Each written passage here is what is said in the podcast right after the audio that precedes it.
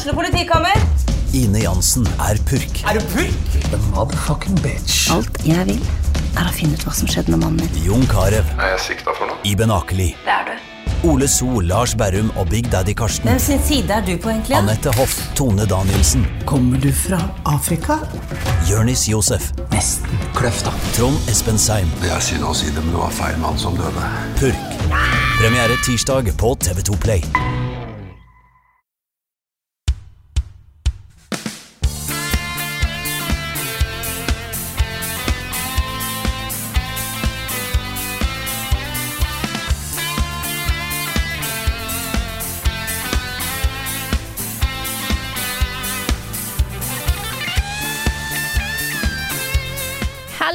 Hallo, alle sammen, og velkommen til en ny episode av podkasten Level Backup med meg, Frida Danmo, og med meg har jeg som vanlig Karl Martin Hogsnes og Rune Fjell Olsen. Min i dag har vi òg Niklas Halvorsen. Hallo, alle sammen. Hello. Hello, alle sammen. Hvordan går det i dag, denne eh, vel torsdagsformiddagen? Premierenerver. Ja, noe så intenst også, men uh, ellers så går det bra. Mm. Dette er liksom den uh, sekvensen av podkasten hvor vi da vanligvis ville plugga uh, Gå inn der og der og kjøpe billetter, men det er fuckings utsolgt. Det er faktisk helt utsolgt. Vi har solgt hver eneste stol. Ja, og det vi snakker om er da premierefesten for 71 grader Noscope XB on the beach, sesong to av uh, vår uh, hyllest, kan man kanskje kalle det, til reality-serier. diverse reality-serier. Ja. Ja. Jeg har eh, kommet fram til at jeg liksom, måten jeg vil beskrive denne sesongen her på, det er at det er en, eh, en klein og koselig historie om eh, nerder og vennskap pakka inn i en halvdårlig Paradise Hotel-parodi. Ja. Det, er- det er pitchen. Ja, det er herlig. Og på mandag så samler vi da um, oss pluss 150 Nei, 150 totalt. 150 totalt på åpen scene i Oslo for å se hele sesongen. Og så vil da hver nye episode av, eh, av serien komme ut hver mandag på kanalen vår, Level Up Norge på YouTube. Men er de som kommer dit, da får liksom se alt veldig eksklusivt og hemmelig, og no spoilers og alt det der, liksom. Stemmer. Så det blir vel eh, Jeg driver og tenker litt på når vi burde publisere episoden, den første episoden på YouTube. Jeg tenker Det mest rettferdige det er å gjøre det samtidig som eh, vi starter å se ja. på, på, på, på, på salen. Så 1830. 18.30 går første episode live. Du kan sette opp sånne premiereevent på YouTube, vet du. Ja da. Ja, det hadde vært litt kult. Eneste at vi får ikke med oss chatten, da, for det er jo litt av moroa. At det liksom kommer en sånn chat der som følger med. Ja, men de, de kan chatte med hverandre. Jeg tror det går greit allikevel. Og så kan Kanskje i tillegg de som sitter i salen, også chatte. For de ser jo det samtidig hvis det går ut akkurat Hvis vi klarer å starte denne episoden nøyaktig 18.30. Ja, På men det, scenen, men det vil jeg ikke at de skal gjøre. For jeg vil at de skal se på. Ja. Teknisk problem. Full fokus. Ja. ja. ja. Nei, men uh, det, er, det er mulig at vi, vi har aldri gjort det før. Men nå har vi en god anledning uh, til å gjøre det. Vi kan jo i hvert fall gjøre det på de neste episodene, kanskje. Uansett. Ja, det, Ja. ja, for det tenkte jeg at liksom, eh, om ikke første episode, så i hvert fall alle de andre kommer til å settes opp sånn premieretidspunkt på. Så man kan eh, liksom logge seg inn og vente på countdown. Og kan bli litt sånn epic. Herlig. Det, hvis vi ser sånn som det var på E3-streamene våre, så folk syns jo det er hyggelig å sitte og chatte med hverandre. Vi må ikke være delaktige i den chatten for at det blir ålreit, da. Så det kan hende at vi bare lar det surre og gå, liksom. Um, ja, kanskje. Vi får, vi får se. Jeg har aldri det, I hvert fall, følg med. Hvis du ikke skal på premiereventet, følg med på YouTube-kanalen vår mandag eh, ettermiddag slash kveld. Plutselig så, så Klokken 18.30 Ja. sharp. Yes. Ja. Og så er det jo innslipp da hvis du skal på premieren eh, klokka seks. Mhm. Så det er bare å møte opp rundt da, så, så kommer du inn. Hvis du har billett. Hvis du har billett. Hvis det Det- er billettet. Det, Viktig det blir ikke salg i døra, for det er fullt. Jeg får ikke flere folk inn der. Yeah. Vi kan rett og slett ikke slippe inn flere. Men det blir sjukt spennende. Det blir sjukt spennende. Jeg gleder meg så til å se dette her, Karl. Jeg har jo valgt da, å ikke se noe på forhånd. Mm. Jeg vet jo liksom Alt som skjer i mine scener, vet jeg jo. jeg var Ja. der. Men uh, det er masse jeg ikke har sett. ikke sant? Så Jeg har til og med ikke lest hele manuset, for jeg ville at det skulle være en overraskelse. ikke sant? Mm. Så dette her blir øh, gøy, altså. Det blir gøy. Det er, eh, det er det største prosjektet vi har jobba med uh, noen gang. Mm. Det, er, eh, det er nok det jeg har lagt flest timer i, sånn totalt sett. Det er større enn Roomies, større enn første sesong. Kanskje større enn begge de to til sammen. Mm. Måten du sa 'det blir gøy' på, var litt sånn Ja da, det, det, det blir gøy, dette her. Ja da, ikke stressa i det hele tatt. Ja, Det blir men det litt, sånn, det er litt real. Jeg, jeg er ganske stressa, men jeg er stressa på en god måte. Ja da. Jeg tror det blir, det blir, det blir kjempemorsomt. Jeg har nerver, men det blir kjempemorsomt. Hva har du spilt? Spilt i det siste? Rune, Frida. Hva har du spilt? Hva har du spilt? Spilt i det siste?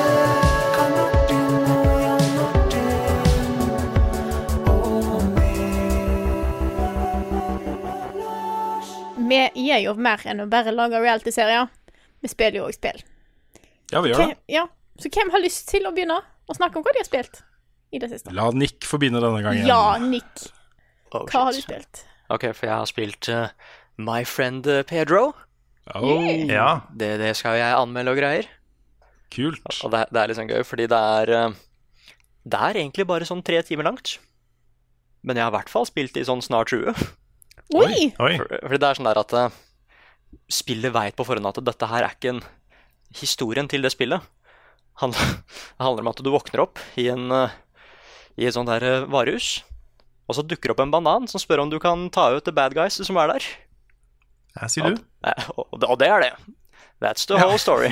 Ja. og det er sånn, eh, Men åssen åssen vet, du at du skal åssen vet du at du kan stole på den bananen? Nei, si det. Ja, Du bare gjør det. Ja, du, du bare gjør det. Og han sier liksom at det bare ja, hvis du, Han lærer deg åssen du spiller, ikke sant? Hopper og dodger og bullet time og sånn, så han er jo trustworthy. Det han sier, er jo sant. Mm. Og det er, eh, det er, det er tre timer langt, men meningen med spillet er jo liksom Du skal gjøre hver level igjen og igjen og igjen. Gjøre det feilfritt, ikke sant? Gjennom en hel kombo, én bevegelse, ikke bli truffet. Det er til og med sånn der system hvor du kan sikte på to folk samtidig, liksom, mens du hopper og spinner i bullet time. Det er ganske Det, det er 2D Max Payne. Ja, bare Forklar gameplayet der litt, Nick. Fordi eh, når man ser trailere fra dette spillet, her, så ser det utrolig stilig ut. Det er sånn ballett, ikke sant? slow motion, og du skyter ting og kaster stekepanner og alt mulig rart, liksom. Men hvordan er det å faktisk spille det? Hva, er mekanikken her, liksom? Ja, fordi problemet er at jeg har liksom ikke helt noe andre 2D-spill jeg kan sammenligne det med, da. Det er eh, jeg veit liksom ikke Det er liksom en 2D shoot 'em up Da, Jeg, jeg veit liksom ikke helt, altså. Men det som er liksom det store med det, er at uh, i hvert fall på Du har to knapper. En som låser deg fast til target, og et som er frisikte, ikke sant? Og det er den du bruker for å sikte på to ting samtidig. Og meningen da er at denne karakteren er veldig, veldig sånn Veldig akrobatisk, veldig, veldig agile, skikkelig elegant, og kan liksom skyte fra alle vinkler uansett hvor du befinner deg hen i lufta. da. Så selv om du er opp ned, så kan du liksom Det er såpass mange animasjoner at uansett hvor du er hen, så kan du sikte på fiender. Men du kan også liksom bruke resten av kroppen din som en våpen òg, for du kan jo sparke. Du kan liksom, Hvis det plutselig er en kniv som sitter fast i veggen, så kan du ta den opp og bare sparke den til en annen fiende, ikke sant? hvis du ikke har nok ammo.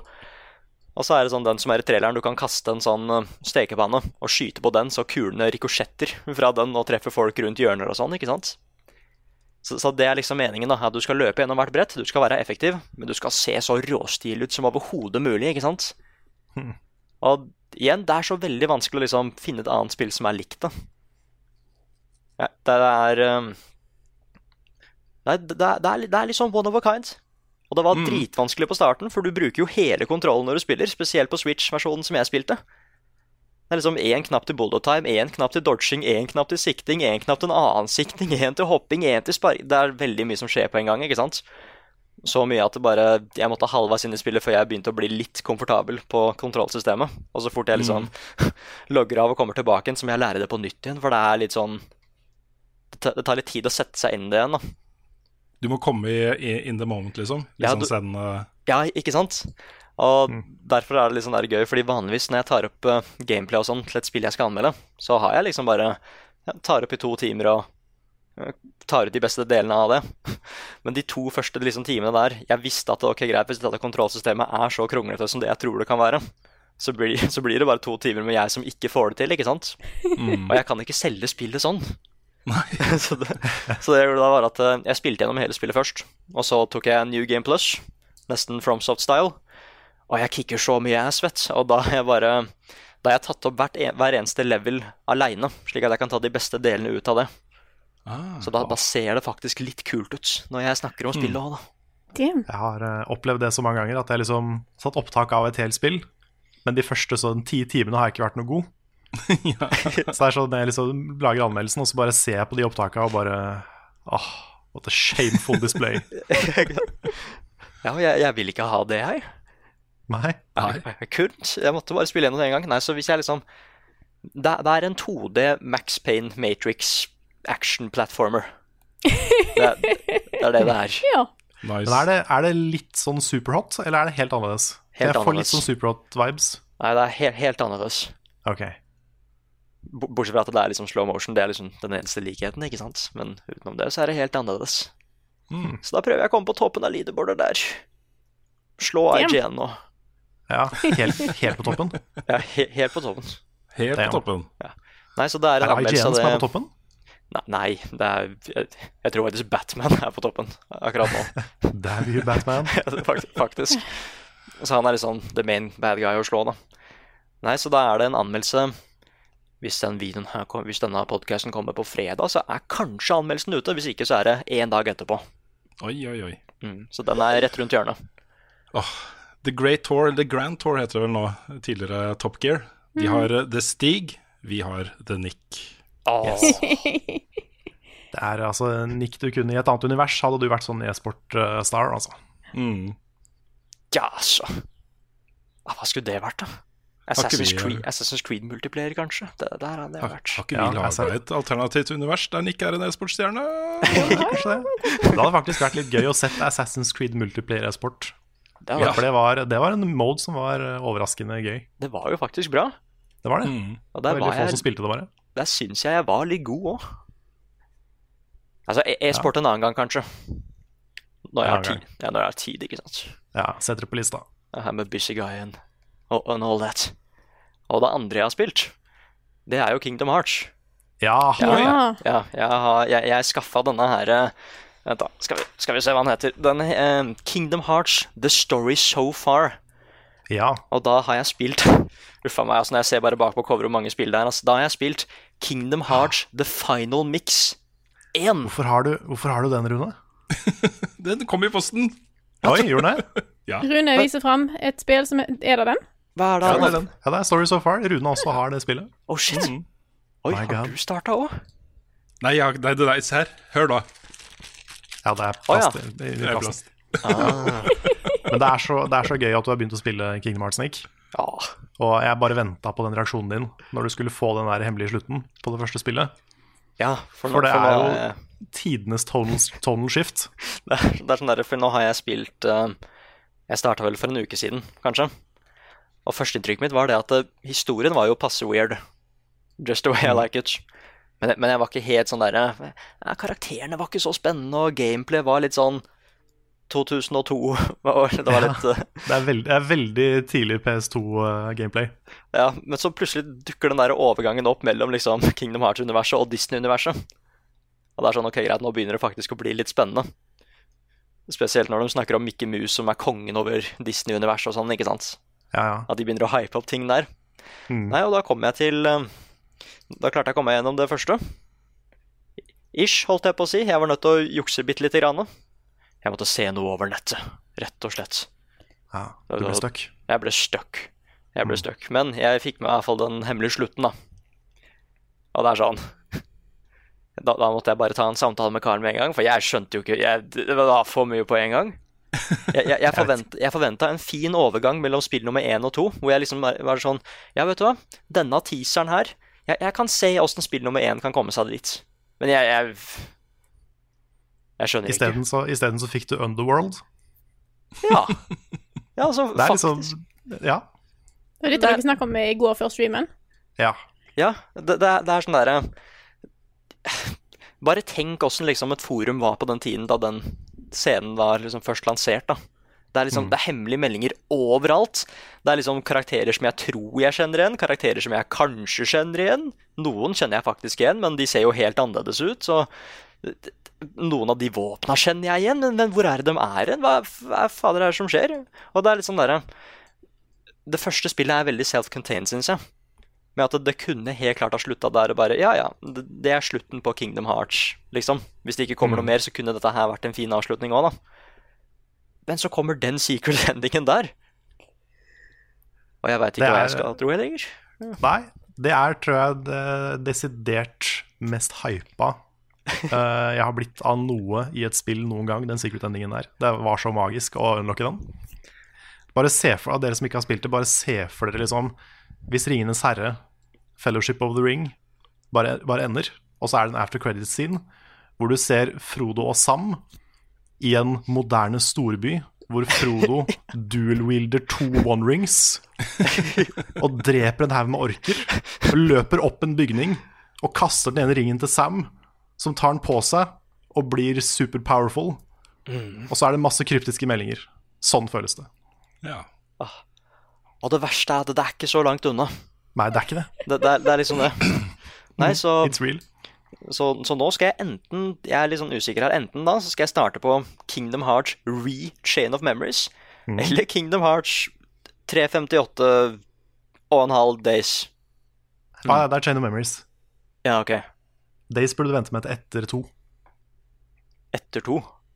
Ja, det er sånn feil, feil og Det står feil på lista. Så, så det burde du, være nummer fire. tenker du da etter vent, da. Kingdom Hearts 2. Tenker du etter Kingdom Hearts 2. Ok, så ikke Chain of Memories, for det er liksom det neste kronologiske spillet, ikke sant? Ja, Chain of Memories burde spille først. Ja, det er så tullete, altså. Det er så- Det er liksom, hvis, du, hvis, du bytter, hvis du bytter to og Days på den lista, så er du good. ja. Faen. Eh, Nice. Altså, Yes. Så det er, det er det jeg har spilt. Det er det jeg har spilt. Åh, Altså, jeg skjønner det, det er ikke så lett å spille Kingdom Hearts når du først altså, En ting er å sette seg fast inn i et spill, som du sjekka, men når du liksom setter deg fast i rekkefølgen på spillene Du kan, du kan også spille det i den rekkefølgen som står der, men jeg anbefaler å spille to før Days. Ja, okay. List to Carl. Det er kronologisk rekkefølge, og det er det jeg anbefaler. Mm. Kunne, kunne prata lenge om Kingdom Hearts, men ikke, men vi må kanskje, må kanskje videre. Kanskje det, kanskje det. kanskje det Skal jeg Yes. ta over? Kjør på. Jeg kan, kan være ganske kort, for jeg snakka om det spillet her forrige uke. Jeg har fortsatt på Bloodstained, The Ritual of the Night, hey. og runda det. Hey. Oh, ja.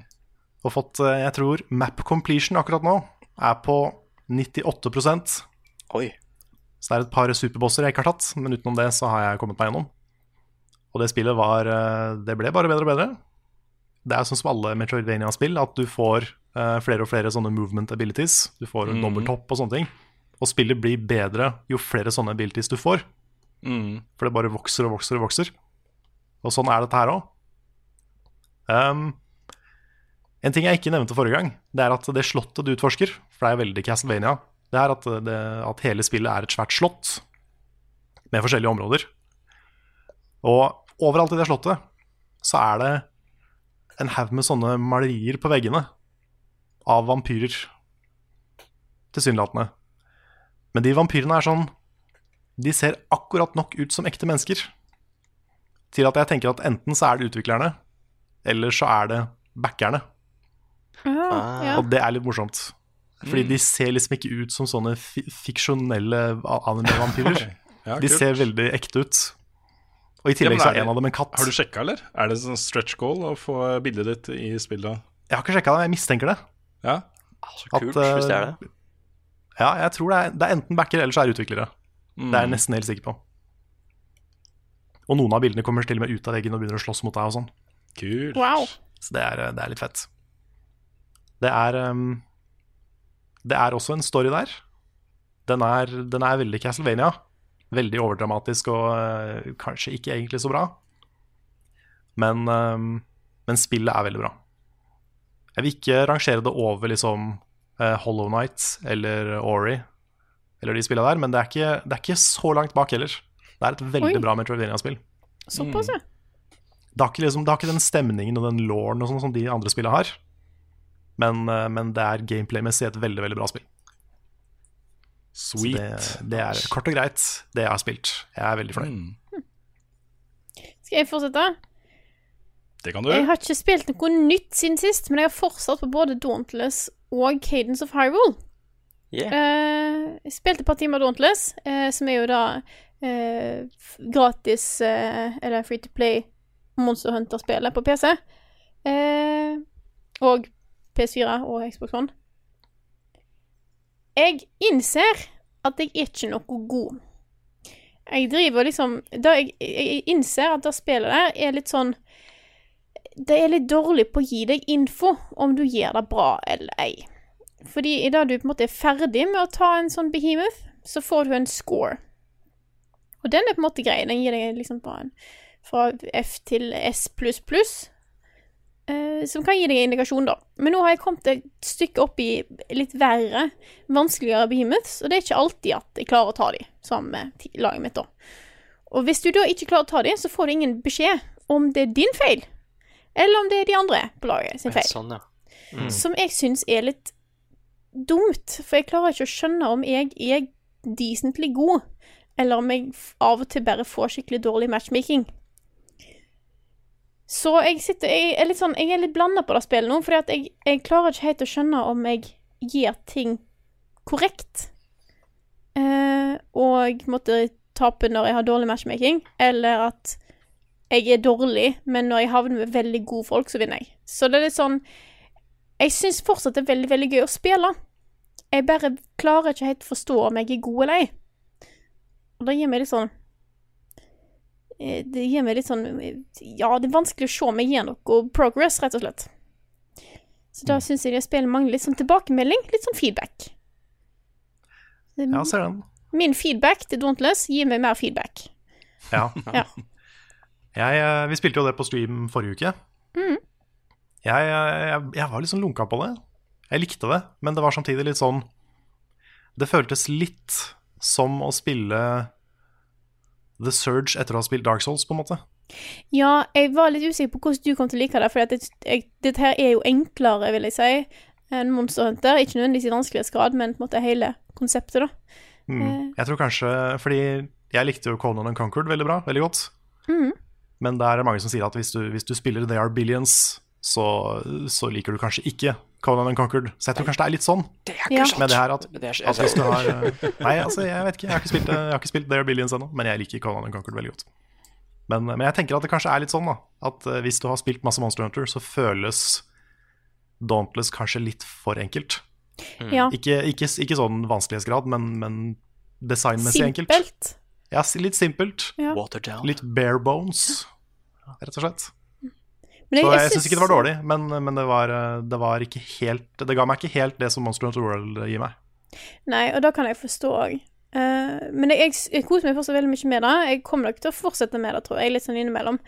Um, jeg har i hvert fall lyst til å på en måte komme meg opp til det punktet der jeg på en måte får unlocka mesteparten av våpenet, og eh, i hvert fall å slåss mot alle monstre og sånt. Det har jeg lyst til å gjøre. Uh, så det var, det var Dauntless. Så har jeg òg eh, spilt ferdig Cadence of Hyrule, som er jo da rytmespillet som er basert på eh, Eller det er jo Crypt of the Necrodancer, et spill fra 2014, tror jeg jeg kom fram til. I hvert fall det Svendsen anmeldte anmeld, i 2014. Jeg fant anmeldelsen eh, langt bak i VG-arkivene. Eh, så jeg lagde jeg et nytt en ny, ny versjon da for Selda. Jeg snakka litt om det forrige uke òg. Bare tenkte for å gi en liten recap, da, for de som ikke eventuelt har hørt den episoden. Det spillet er altså bare kos. Det er så gøy, og et sånt på en måte Det er sånn hyllest til alt som Zelda-spillene er, når det kommer til område og mechanics og uh, musikk. Uh, så jeg har altså Da har jeg storkost med meg. Det er bare slutter ikke å være gøy. Så da er uh, Det kom Nå kan jeg si det. Jeg prøver å være forsiktig, men det kom en anmeldelse.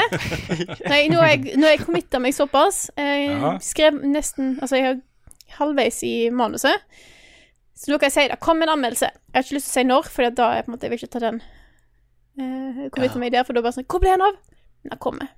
Trust me. It's a risky move, let's see if it pays off. Yes. Men jeg er skikkelig glad i sånne rytmebaserte spill, altså hvor bevegelsene man gjør selv i spillet, er tilpassa rytmen. Uh, Lumines, Tetris Effect, uh, også den uh, Miss Ruby-bossen i første Sly-spillet. Altså, det er noe eget med den der følelsen du får av at knappene du trykker på, er i takt med musikk, og kanskje påvirker musikken litt også. At du lager lyder som passer. Ikke sant? Så det, det er et eller annet med den feelingen du får da, som er ganske sterk, altså. Det er det, og det er så utrolig eh, Konseptet funker så bra, spesielt når hele spillet er bygd rundt det. Eh, at alle enemies beveger seg i takt med musikken. Eh, alle angrep du gjør, i takt med musikken. Hvis du måte, er flink nok til å holde takta lenge nok, så tror jeg, hvis jeg husker rett, så dropper enemies og bedre ting. Så du blir virkelig på en måte eh, Du får noe igjen av det, da. Mm. Så er det veldig eh, du, du blir veldig sånn herre I starten så kan det føles litt sånn rart å faktisk gjøre alt i takt med musikken, men etter hvert så blir det på en måte Du havner litt sånn derre send-modus. Der det på en måte det, du bare havner inn i rytmen, og selvfølgelig skal du gjøre alt i takt med Mm. musikken. Selv når jeg er i menyene, da, der du ikke trenger å gjøre ting i takt med musikken, så gjør jeg det fortsatt. For du er på en måte fortsatt stuck i den der uh, gangen. Det er Når litt du går til butikken, og når du handler og Jeg hører jo på musikk som regel, uansett hvor jeg Eller hvis jeg Ja. Eh, Jeg har jo en tendens til å gå i takt med musikken. Det har jeg alltid gjort. Mm. Så det er litt uh, Jeg blir sånn selvbevisst når jeg går i takt med musikken. Altså sånn uh, at Hvis jeg går i takt med musikken, så tenker jeg liksom det, det, også, Dette er litt for påtatt. Altså jeg, får liksom, jeg blir veldig selvbevisst på at andre kanskje hører hvilken musikk jeg hører på. At Oi, han går i takt til musikken. Altså, jeg, det er et eller annet med det som er litt sånn rart. Ja, de ser hva du hører på. Ja. Kanskje du driver og veiver med armene til musikken og bare Ikke sant? Hvordan driver med, han mannen der? Nikke med hodet og Ja. Jeg gjør jo alt det der. Det, Ja, ja, ja. Det, ja. Så vet du ikke Mm. Men jeg har hørt, uh, hørt at Cadence of Harrow har en sånn ting hvor du kan Hvis du sliter med rytmen, så kan du skru av den delen. Altså liksom du slipper å måtte time det til beats. Oh, ja. Det kan være. Det har jeg ikke sjekka ut. Nei, Det er en ikke- accessibility feature. Som, det er det. Så hvis, hvis man uh, sliter med liksom enten gehør eller rytme, eller sånne ting, så går det også an å spille det, visstnok. Kult. Så er det òg en toplayer der. Den har jeg ikke testa ut. Uh, Oi. Så jeg uh, Det blir nok ikke en del av anmeldelsen. Jeg tror jeg bare ser at det blir på en måte singelplayer-biten. Men det er kult at det er en toplayer. Mm. Eh, Jeg tror det kan funke ganske bra. Vil jeg påstå. Ja. Ja. Men det er jo da jeg, jeg kan i hvert fall si det, for jeg vet jeg husker, jeg husker jo fra anmeldelsen til Sensen at han spilte jo dette med dansematta.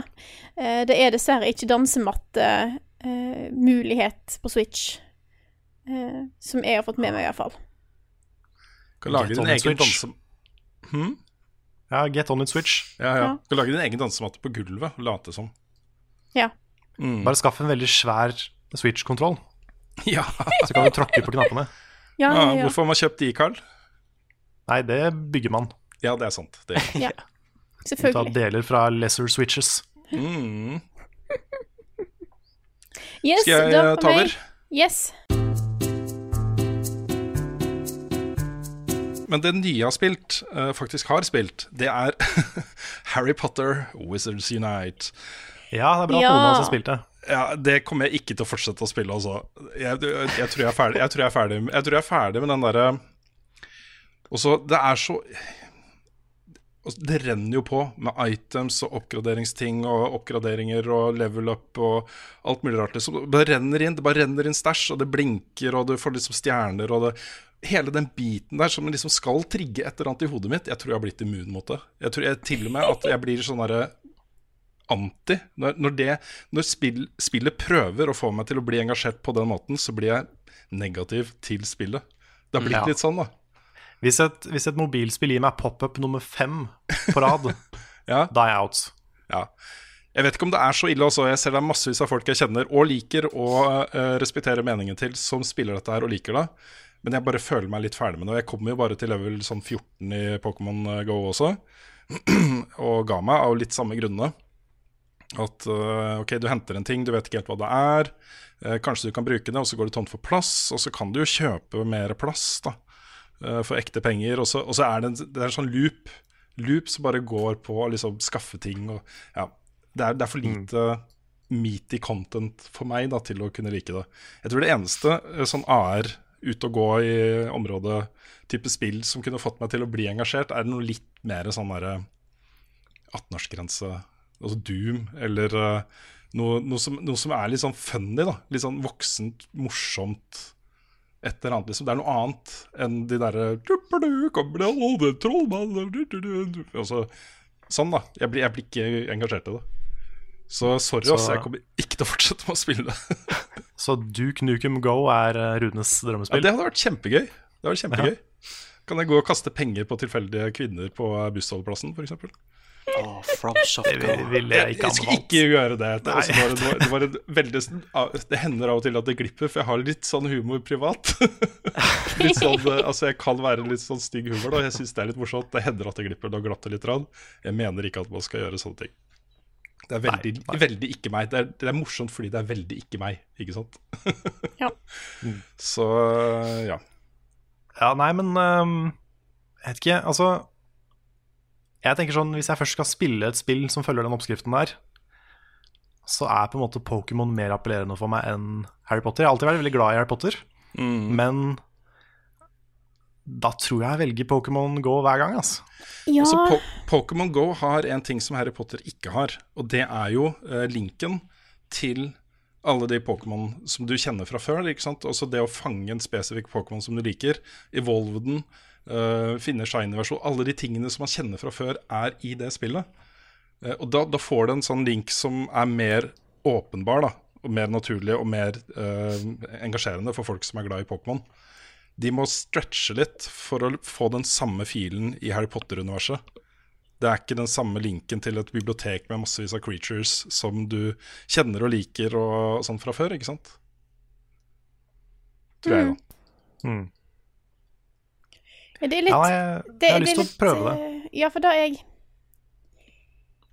Da jeg, jeg sitter og tenker på det, at i Pokémon så er det sånn Alle har hatt lyst til å måte være, bli en Pokémon-trener. Så kan du da i Pokémon Go gå rundt og faktisk føle at du går rundt og fanger Pokémon.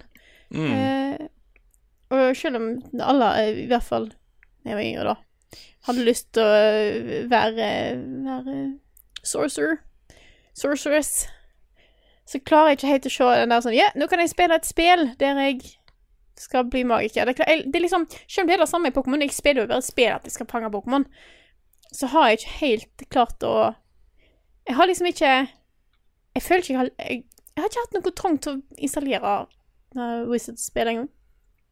Føler jeg. Det, det er sånn der er sånn Ja, jeg vet det fins. Jeg hadde en sånn herlig Jeg moment. Jeg, jeg, ikke jeg lasta det ned, begynte å spille det, og ligger i senga ikke sant? Uh, og spiller dette her. Og Du kan ta et bilde av deg sjøl sånn, til eh, profilsiden din. Der ligger jeg bare sånn eh, bak og så er det sånn Fikk, gjort alt da av sånne introduksjonsting. Og så bare Neste tingen jeg måtte gjøre, da måtte jeg gå liksom 200 meter ned i gata for den neste tingen, liksom. Jeg bare Nei. Gidder ikke. Gidder ikke. Low effort trollmann, altså. Ja, fytti rakkeren, altså. Jeg så en um, Jeg husker ikke hvilken sammenheng, men jeg så en tweet som jeg lo veldig av her om dagen. Um, om Harry Potter. Fordi JK Rowling har jo liksom lagt til litt sånne nuggets av law uh, i ettertid. Mm, ikke, det er ikke alle som er like populære. F.eks. det der at uh, før i tida så drev uh, elevene på Hogwarts bare og bæsja i ørene og trylla det bort. Sånne ting. Og det er nå, det er nå Harry Potter-canon. Ja. Fordi JK Rowling liksom bare legger ut sånne ting. Det er veldig rart. Ja, worldbuilding, vet du. Ja, det er, veldig spennende worldbuilding. Jeg aldri hørt Men jeg så da noen som hadde laga en sånn. Det var ikke JK Rowling, da. Men det var sånne ting som kunne vært. Og det var det at nei, før i tida så føder de rett ned i sorteringshatten. jeg syns det også er veldig fint. Så var det liksom bare ja, messed up gamle Hogwarts kunne vært en ting. Altså.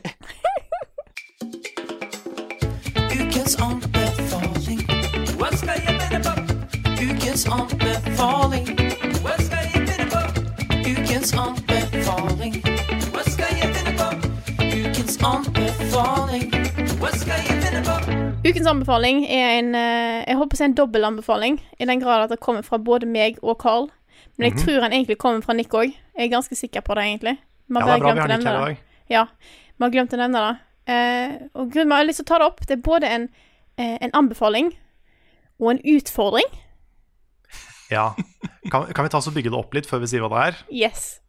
Fordi eh, den utfordringa, den går til eh, Mr. Rune Fjell Olsen. Elsker overraskelser. Beste jeg Ja. vet. Dette er da eh, snakk om en serie. En av de mest innflytelsesrike seriene fra 90-tallet. Å ja, men da vet jeg hva det er. Ja. Eh, den er kjent for å være rar, for å ha en turbulent utvikling eh, underveis. Den er eh, kjent for å ta opp ting som 90-tallet veldig sjelden prata om. Og som de fortsatt egentlig ikke snakkes altså, en, Ja. ja. Den går dypere ned i eh, psykologi enn de fleste ting tør å gjøre. Mm, det er Friends, ikke sant? Det er, Yes. Friends, selvfølgelig. Ja. Nei, den er, den, den er ofte ubehagelig, sånn veldig ubehagelig, Uh, men likevel noe av det mest liksom, personlige, kunstneriske jeg har sett noen gang. Som, som eh, i hvert fall var med på å forme meg uh, når det kommer til populærkultur og ting jeg liker. Og så har han den holdt seg noe så inn i granskauen bra. Ja, han har det. Ja. Du ser på en måte på animasjon at det er eh, ikke voldsomt budsjett, men det de har gjort med det budsjettet, og det de har gjort med regien her, er også noe av det mest imponerende jeg har sett. Sånn hvor fortellende hvert eneste bilde er. Det også er eh, Det overgår Breaking Bad og alt mulig, liksom. Og det er er sikkert da ingen av de som hører på, som uh, har gjetta hva dette er. Uh, Det er kanskje noen. Mm. kanskje, det er noen, da noen. serien Neon Genesis Evangelion, Mhm. som nå er tilgjengelig på Netflix. Yes. Jeg tar utfordringen. Skal- Lett. Jeg tar den lett. Og du skal se, det er planen i hvert fall. For nå er det bra at du er såpass med. Fordi at vi hadde, jeg og diskut- det var da jeg og Carl diskuterte på forhånd. Hvor mange episoder skal vi si at du må se? Og du må i hvert fall se de første seks. Ja, men det Yes. går helt fint. Ja. Det er sommer er- ute, det går bra. Ja. Det er ca. to timer til sammen. Ja. Og det er på en måte, når du har sett de første seks, så får du et, uh, ikke, et innblikk, ikke et innblikk i hva serien blir. Nei. Det får du ikke, men du får et innblikk i uh, hva den er til å begynne med. Mm. ja. Så eh, Hvor mange episoder er det totalt? Det er 26 episoder og en film. Yes. For det er veldig viktig. Fordi at uh, de hadde vel ikke penger på de to siste episodene. Nei. Så de endra, med, endte med å lage dem på en litt annen måte enn det som var planen. Eh, det er veldig kule episoder. Eh, de er spesielle. Men eh, du kan si at den ordentlige avslutningen i tillegg er filmen The End of Evangelion.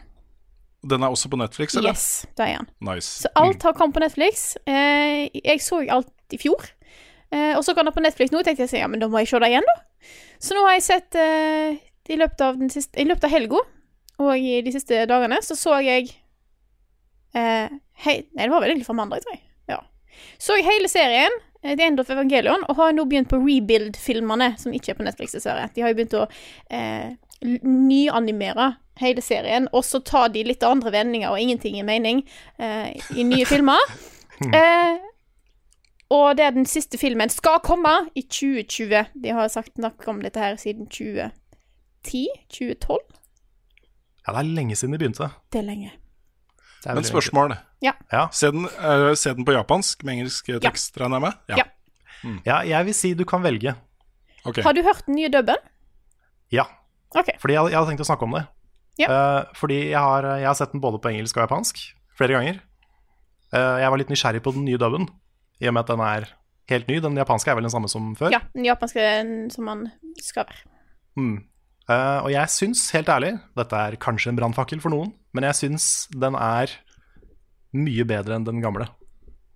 Den nye engelske bedre enn den gamle engelske. Ja, Ja. det syns Er den nye engelske bedre enn den originale japanske? Nei, den er nok ikke det. Um, men samtidig så er det jo noen fordeler, føler jeg, da, med å se det på et språk man skjønner. For det første så er jeg, jeg er veldig glad i animasjon. Så jeg syns det er deilig å kunne liksom bare Det er derfor jeg av og til ser den på engelsk. Uh, for det er deilig å kunne liksom bare se på bildet uten å måtte lese teksten. Og bare liksom Du mister jo noen alle- frames. Hæ? Ja, du mister jo noen frames, liksom. Ja, du liksom du, du kan misse nyanser i bilder, du kan misse liksom noe av regien, ikke sant? Mm. Hvis du bare sitter og leser hele tida. Så derfor ser jeg noen ganger anime på, på engelsk. Jeg kan skjønne Selv det. selv om ofte så er jo den japanske versjonen best, nesten alltid. Jeg syns de klarer å få litt mer ekte følelser fram i, Mm. i tonefall og sånt. Ja. Um, Men jeg, men jeg syns stemmene nå, i den nye dubben, er mye mer naturlig. De er mye mindre sånn cartoony, sånn som mye gamle, gamle anime-dubs var. skal si at Evangelion, originale engelske dubben, er jo kjent for å være dårlig. Ja. Den har noen uh, lyspunkt, holdt på å si. Ens Asuka er ganske bra. Okay. Men, uh, men ja, mange av stemmene var ikke så bra. De var veldig overdrevne. Men Ser her er de litt mer subtile. Så er det òg en ting de har endra. Jeg bare får sagt det. De har jo tatt vekk ending-themen! Jesus Det har de Christ. gjort. Hvorfor har de gjort det? De, de bestemte seg for å ikke betale for lisensen til Fly Me to the Moon. Og har endra ending-themen. Og det er på en måte, jeg tenker jeg kanskje ikke er så viktig, det er bare en endingssang. Men den, altså, Evangelion har en ny versjon av den sangen for hver episode. Så den er egentlig litt sånn kul ting. Men, ja.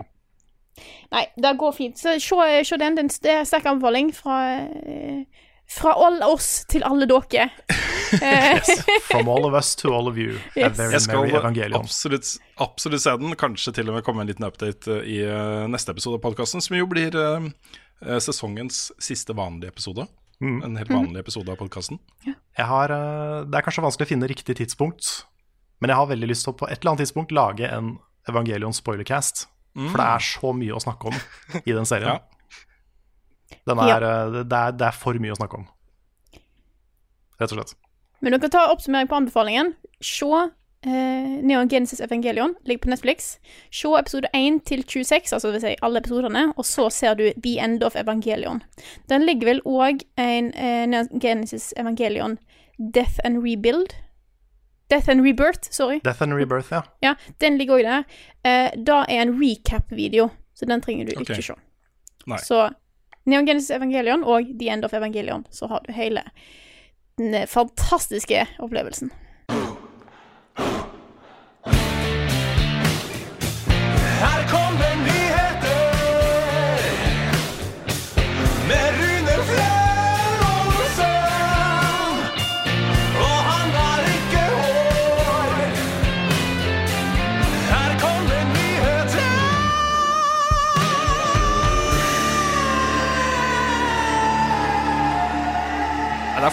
Veldig veldig, veldig rolig på nyhetsfronten. Det er ikke så rart. Uh, alle disse store publisherne har jo spart nyhetene til uh, nyhetsslippet til etere. ikke sant? Etere er over, uh, sommerferie osv. Det skjer veldig lite. Uh, men et par ting som jeg har tenkt å nevne. Det ene er at PubG Corp, som jo man kan tenke seg er et firma som bare er laget for å la lage PubG, skal nå blanche ut. De har laget et nytt studio som heter Striking Distance. De har ansett en som heter Glenn Schofield, som tidligere var What? en av sjefene i Visceral eh, Games og Sledgehammer, uh, til å lede dette her. Og de skal lage eh, eh, narrative-based eh, spillopplevelser uh, i PubG-universet. Oh. det, Kan ikke du utdype høres- den reaksjonen litt, Nick? ja, for det, det vil jeg gjerne høre mer om. Nei, det er jo Nei, det er en av de bak Dead Space. Ja da, han er en av de som, som var hovedansvarlig for eh, Dead Space, at Dead Space ble noe. Det er derfor jeg sa Åh? For det, var sånn, det, det, det er et eller annet med denne navnet der. Altså Visual Games, ok, greit, please. Ja, Men uh, altså, jo, det kan, han, er, han er jo flink, og det kan sikkert bli spennende, men øh, ja, ja. Nå tenkte jeg liksom at nå kan, jeg, nå kan den type spill komme tilbake igjen, da. Mm. Så Nei, jeg, jeg, jeg vet ikke. Det er jo liksom Hva skal man gjøre da? Skal man ta utgangspunkt i et av mappene og bygge noe? Jeg vet ikke, altså. Hvor mye law er det i PubG-universet? Det er det, for jeg tenker liksom PubG-universet er jo kanskje spillhistoriens minst spennende univers. Vet, det er mulig det er harsh okay. å si det, men det er, det Ja, er det jo er ingenting, det er ingenting spennende i det universet. Det er jo bare Det er 100 folk som hopper ned på et map. Men det er jo da, da.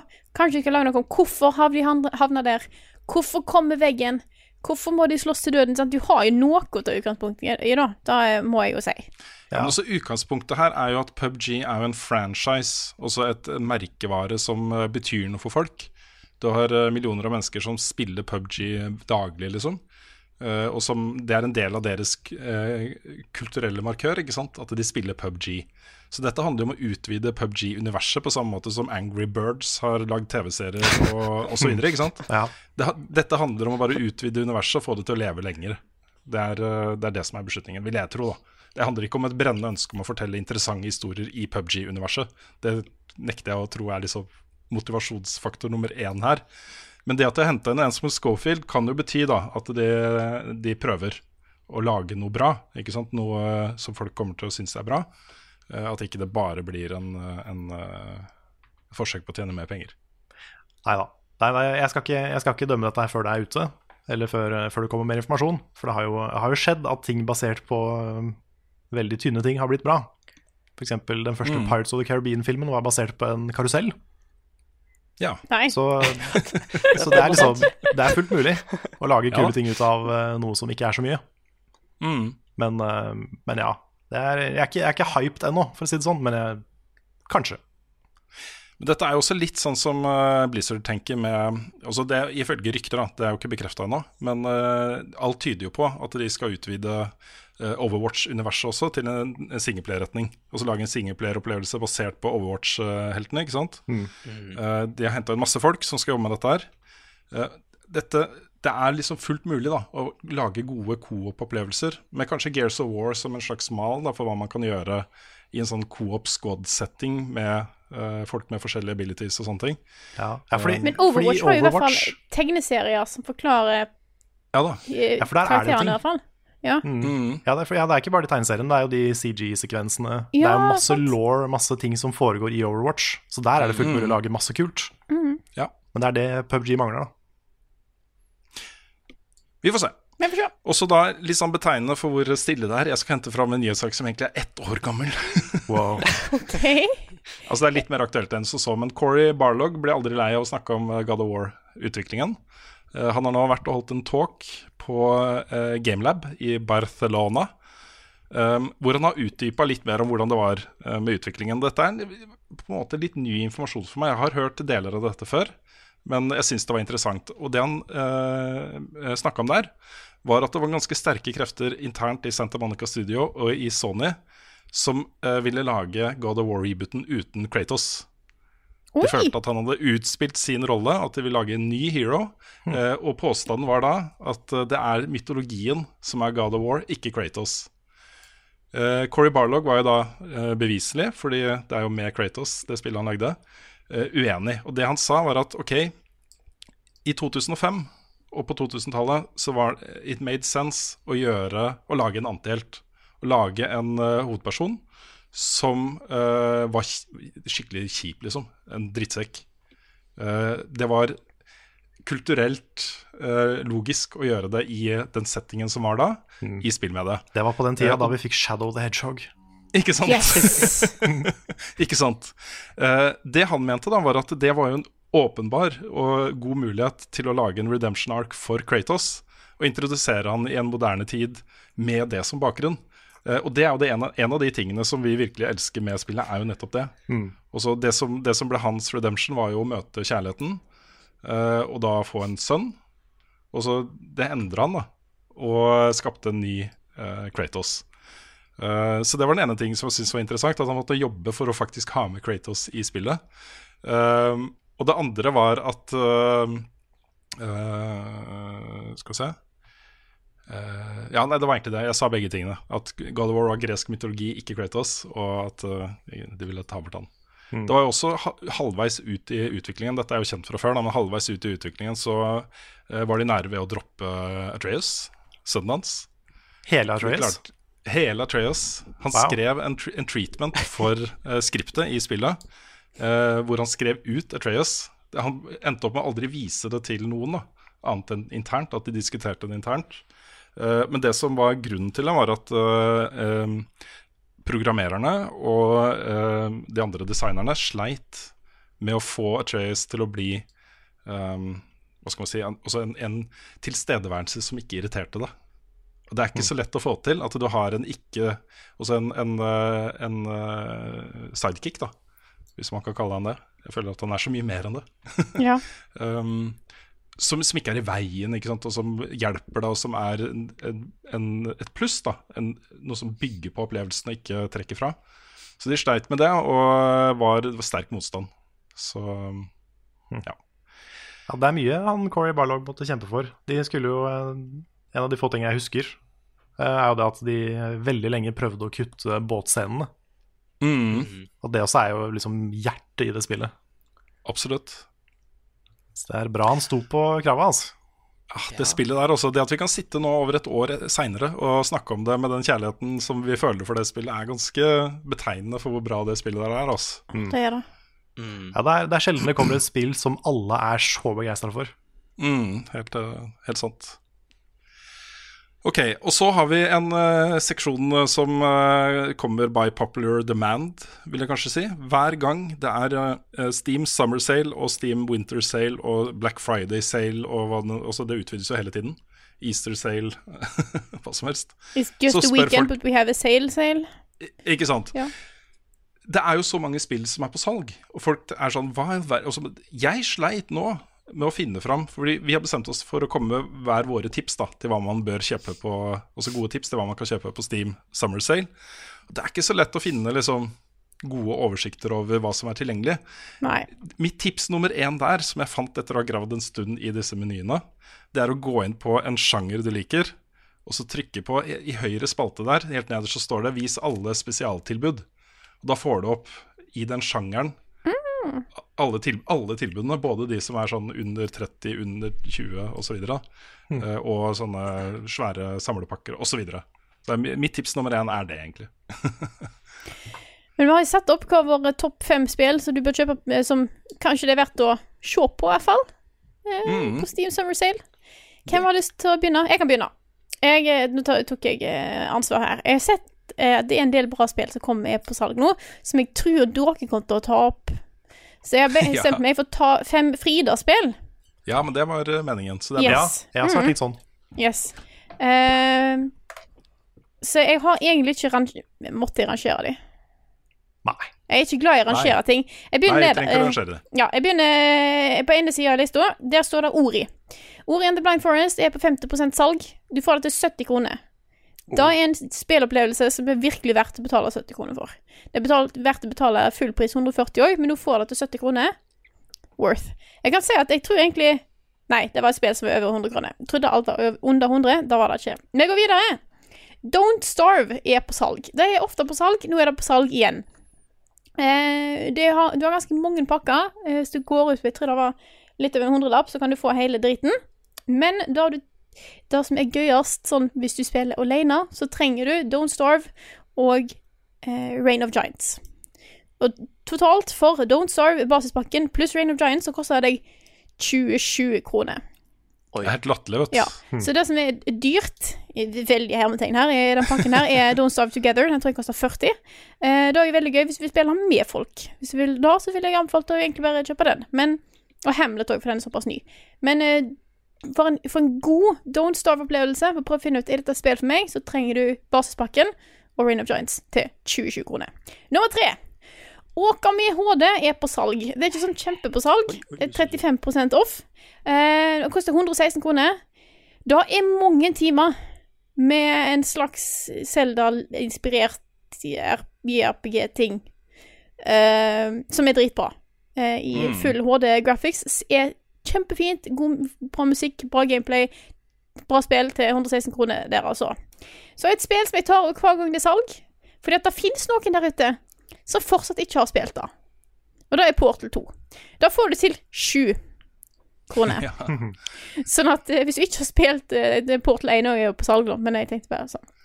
Så hvis du er helt ny på Steam, Ja. du har aldri vært borti Steam før i det hele tatt, eller Valve, så ja, får du kjøpt en sånn PC. Kanskje?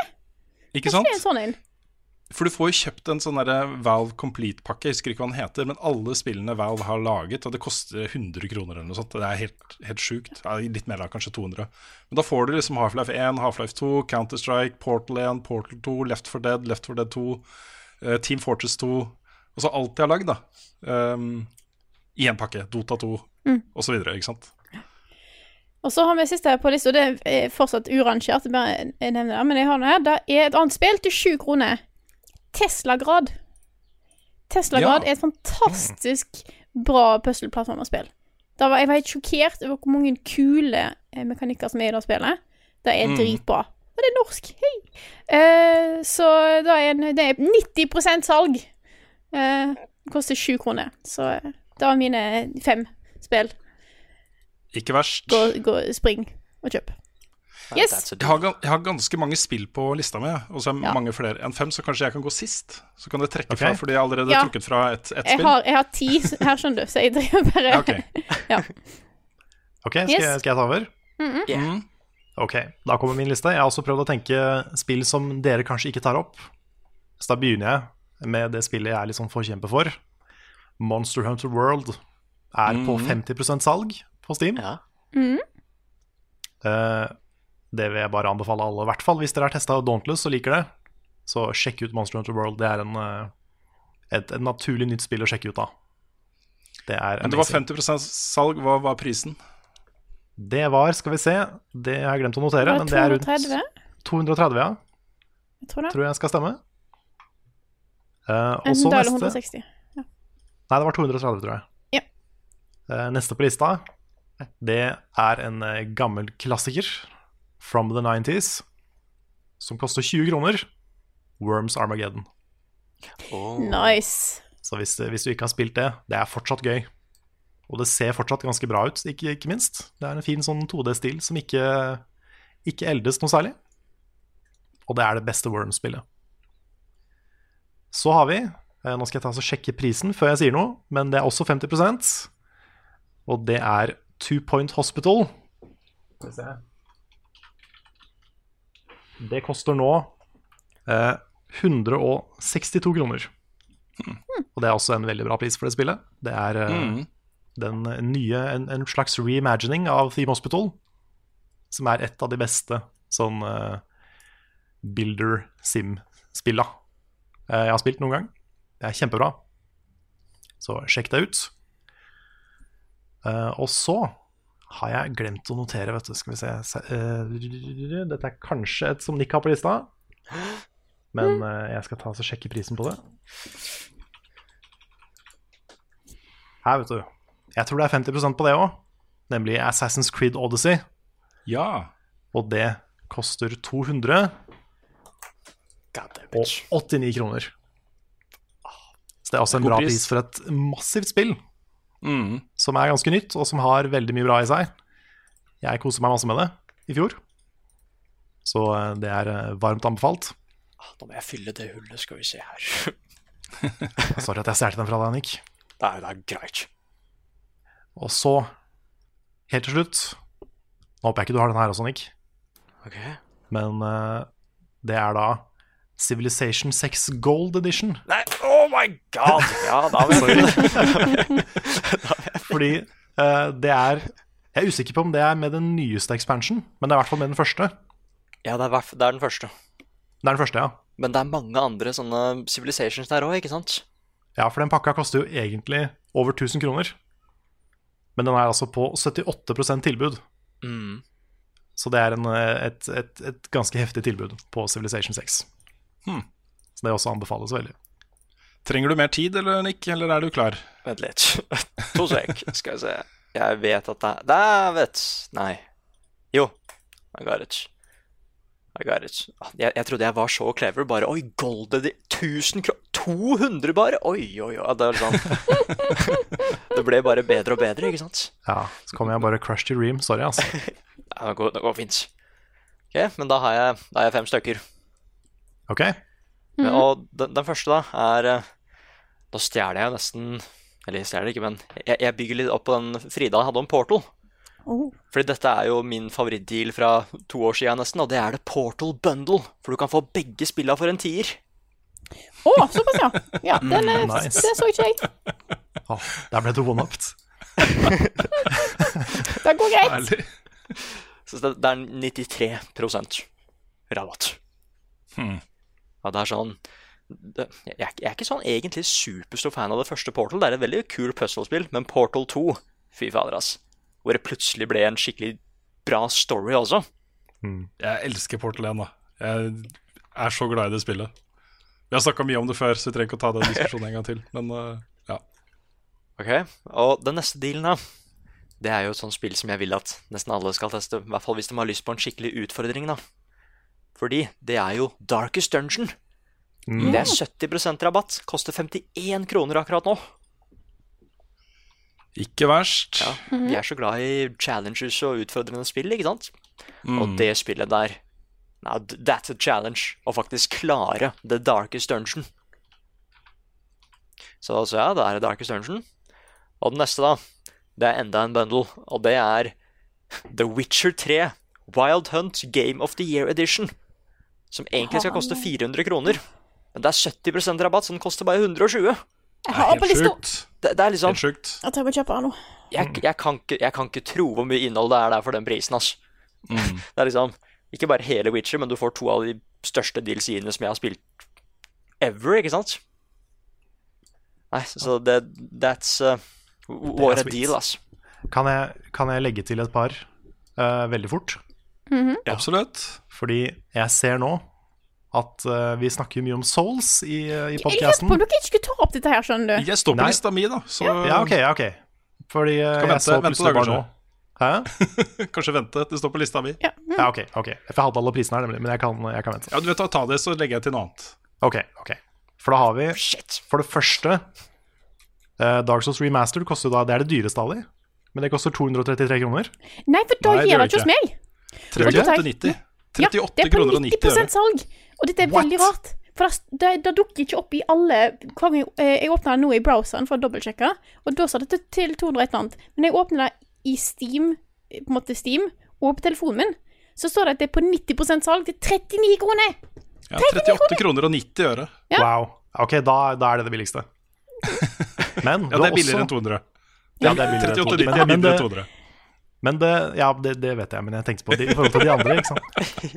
Fordi Dark Souls 2, Scholar of the First Sin, hvis dette er riktig, så koster det 67 kroner Og 50 øre. og 50 øre.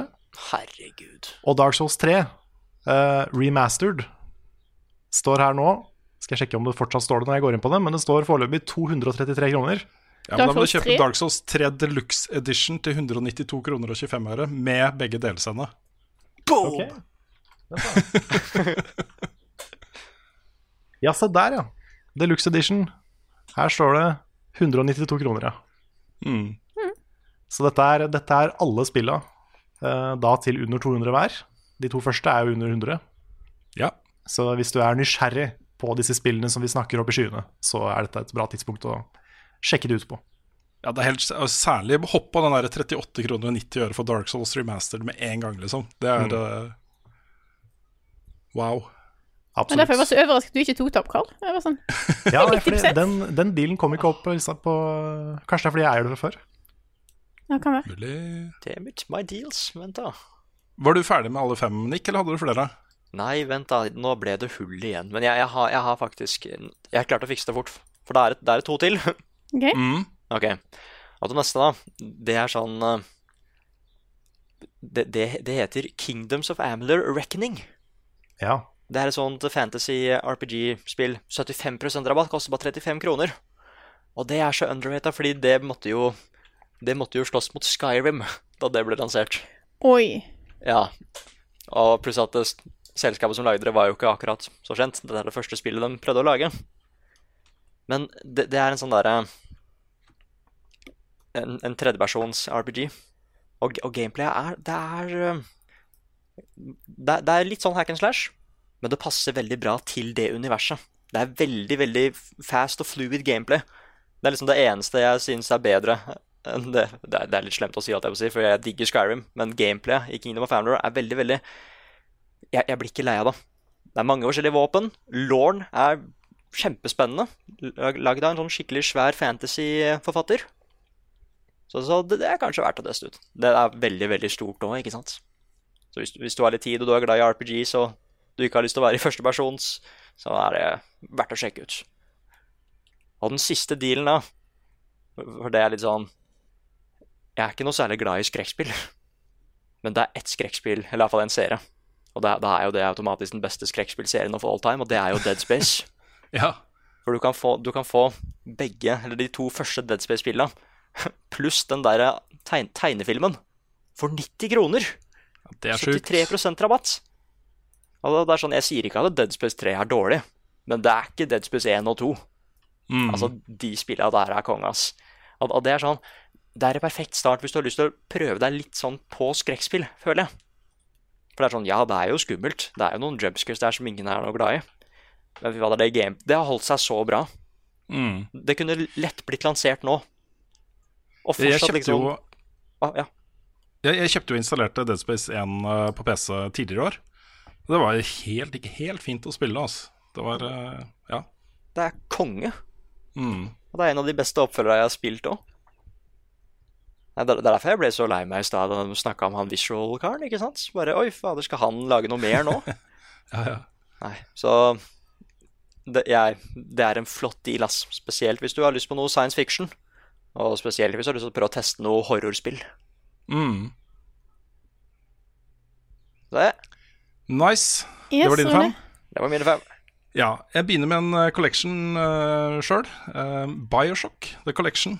103 kroner og 74 øre for remastered versjonene av 1 og 2, pluss da Bioshock Infinite og alt av delelse. 103 kroner og 74 øre. Now that's a deal. That's a deal, altså. Fy Det er helt sjukt. Damn.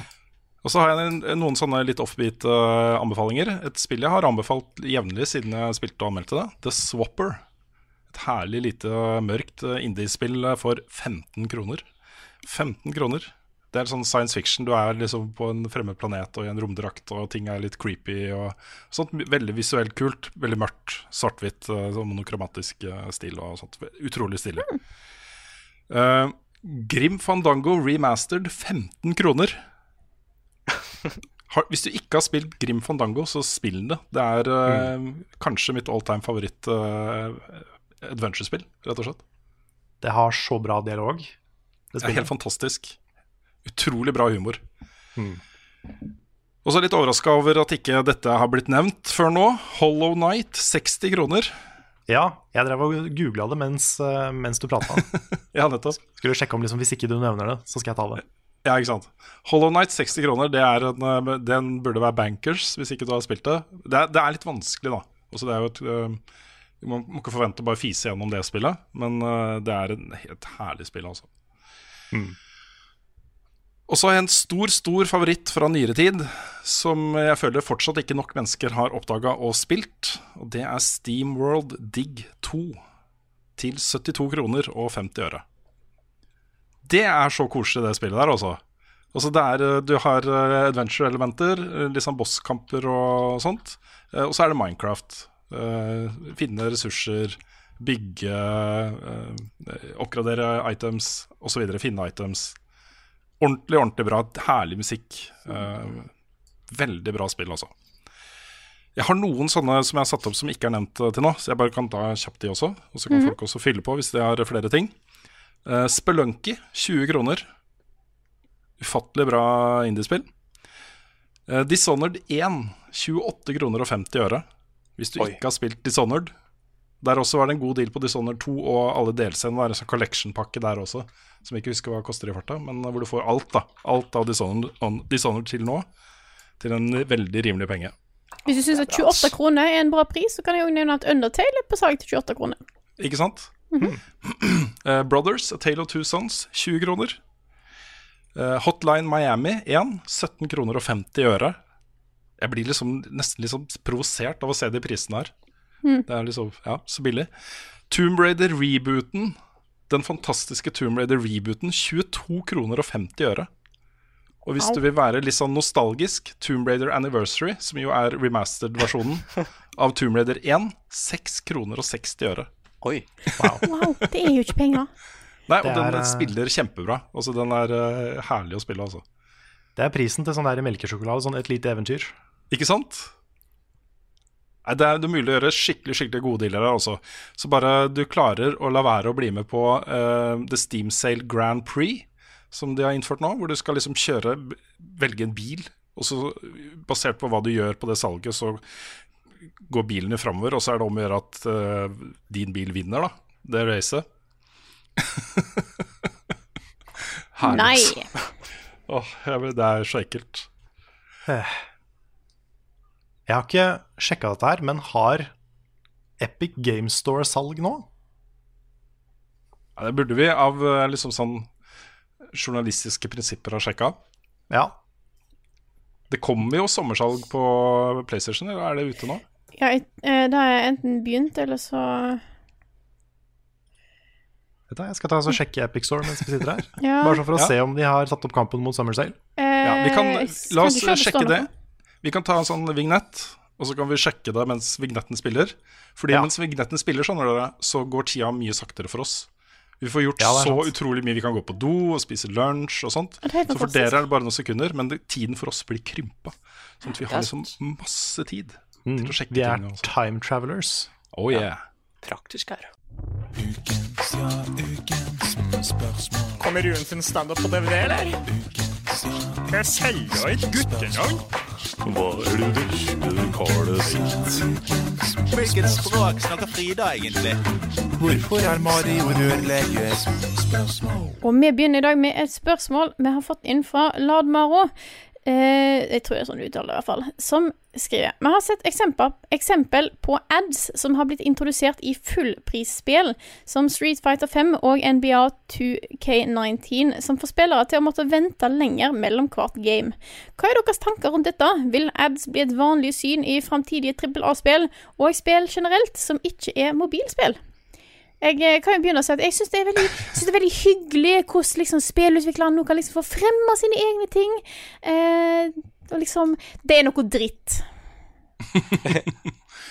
Og så eh, den, Det eneste universet som dette er greit i, er hvis du må velge mellom kjipe mikrotransaksjoner og lootboxer eller noen femsekunders ads her og der, så hadde jeg nok valgt ads.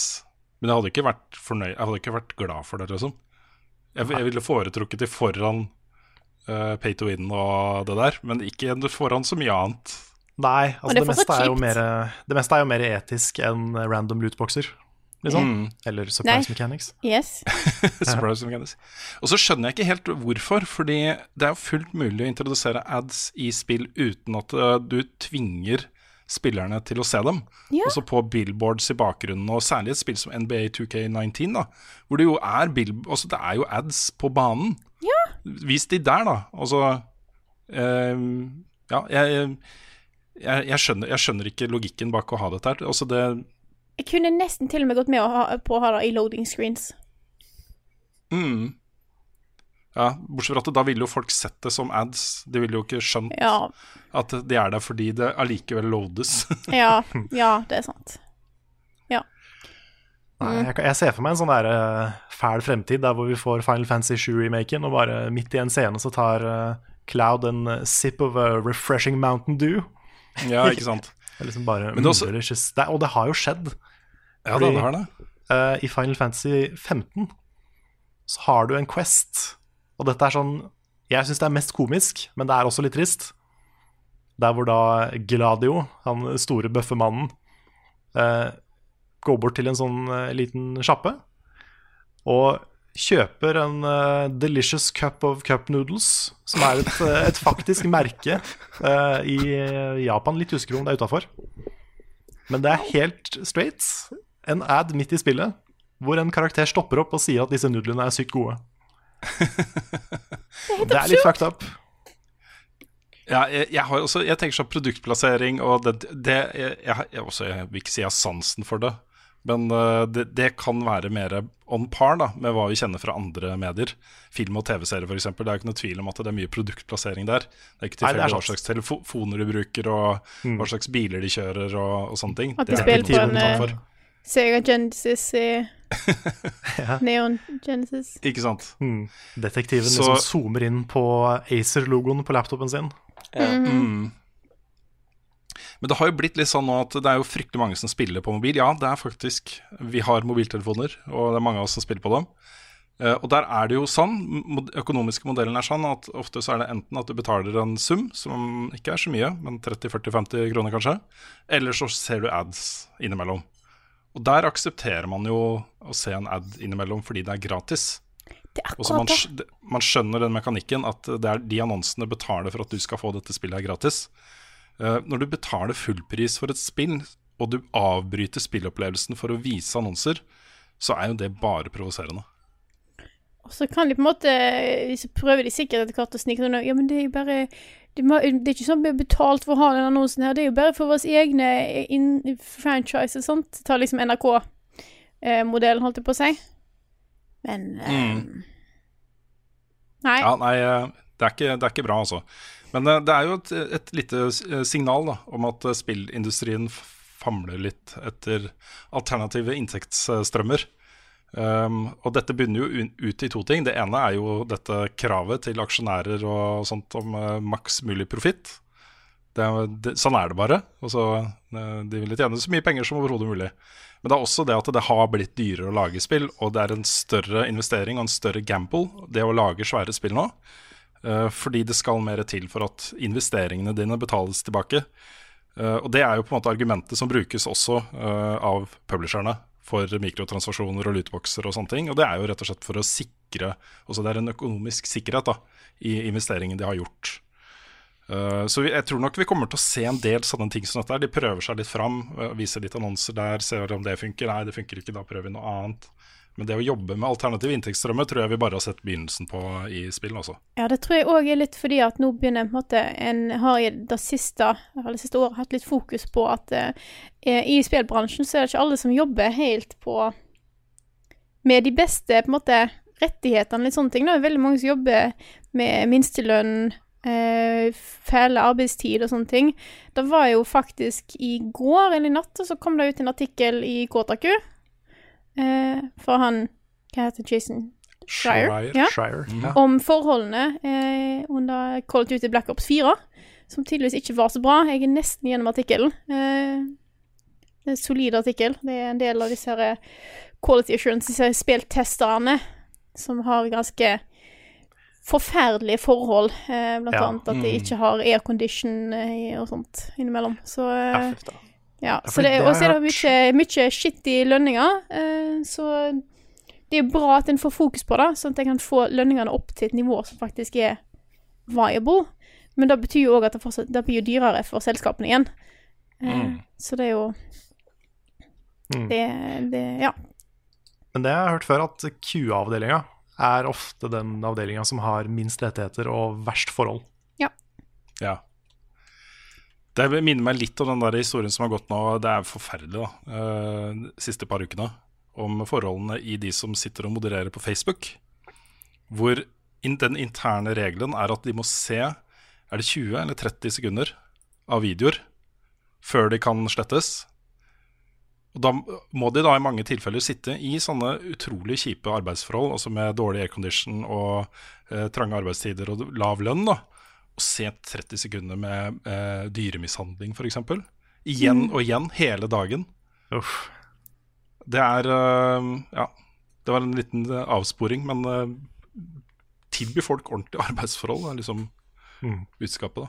Ja. Um,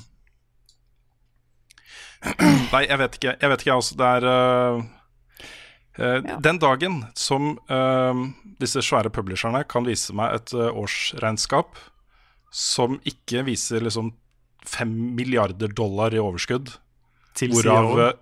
øh, Til CEO-ene, liksom. Hvorav da eh, mesteparten av det går til feite bonuser til toppsjefene. Eh, Så kan de begynne å snakke til meg om eh, alternative inntektsstrømmer som, eh, som noe viktig Ja. for å lage spill. Det er. Da, da kan vi prate om det. Den der modellen deres er jo helt forferdelig dårlig. Mm. Yes. Yes. Nei, vi kan ta et spørsmål til her. Eh, det Jeg tror vi har svart på en gang før, men jeg har tenkt å ta det opp. Eh, Det er fra Espen Pedersen. Han spør, lurer litt på hva, om dere kan fortelle litt om det tekniske utstyret dere har. Har dere noe kontor slash studio vi kan se? Vi har ikke kontor slash studio nå, eh, men vårt fantastiske opptaks, eh, podkast-opptaksstudio, som er posisjonert i Trondheim, eh, Kongsvinger og to plasser i Oslo at the same time, eh, har jo litt forskjellig utstyr. Ja. Jeg eh, sitter her med en trusty eh, Zoom H5-mikrofon. Mm. Altså, en, av, en av de tingene som uh, vi ikke har hatt råd til uh, altså, Vi uh, har jo tilpassa økonomien vår etter hvor mye penger vi har å rutte med. Og en av de tingene vi ikke har råd til, det er jo innkjøp av det utstyret som vi har lyst på. Altså til enhver tid. I VG var jo ting ganske fint der. Hvis det, hvis det da kom en ny sånn der miksepult fra Røde som ser bare amazing ut, hvor du kan koble inn kilder fra eh, iPhones og alt mulig rart, og sitte og legge på noise cancellation og compressor on the fly, ikke sant. Altså Den boksen der ser bare helt magisk ut. Uh, det, det, vi kan ikke gå ut og bruke 7000 kroner på sånne ting nå. Så vi sitter jo basically med det utstyret vi tok med oss fra VG, stort sett. Mm. Ja, vi var, jo, vi var jo heldige da vi gikk ut av VG med at vi fikk for det første med oss en del utstyr.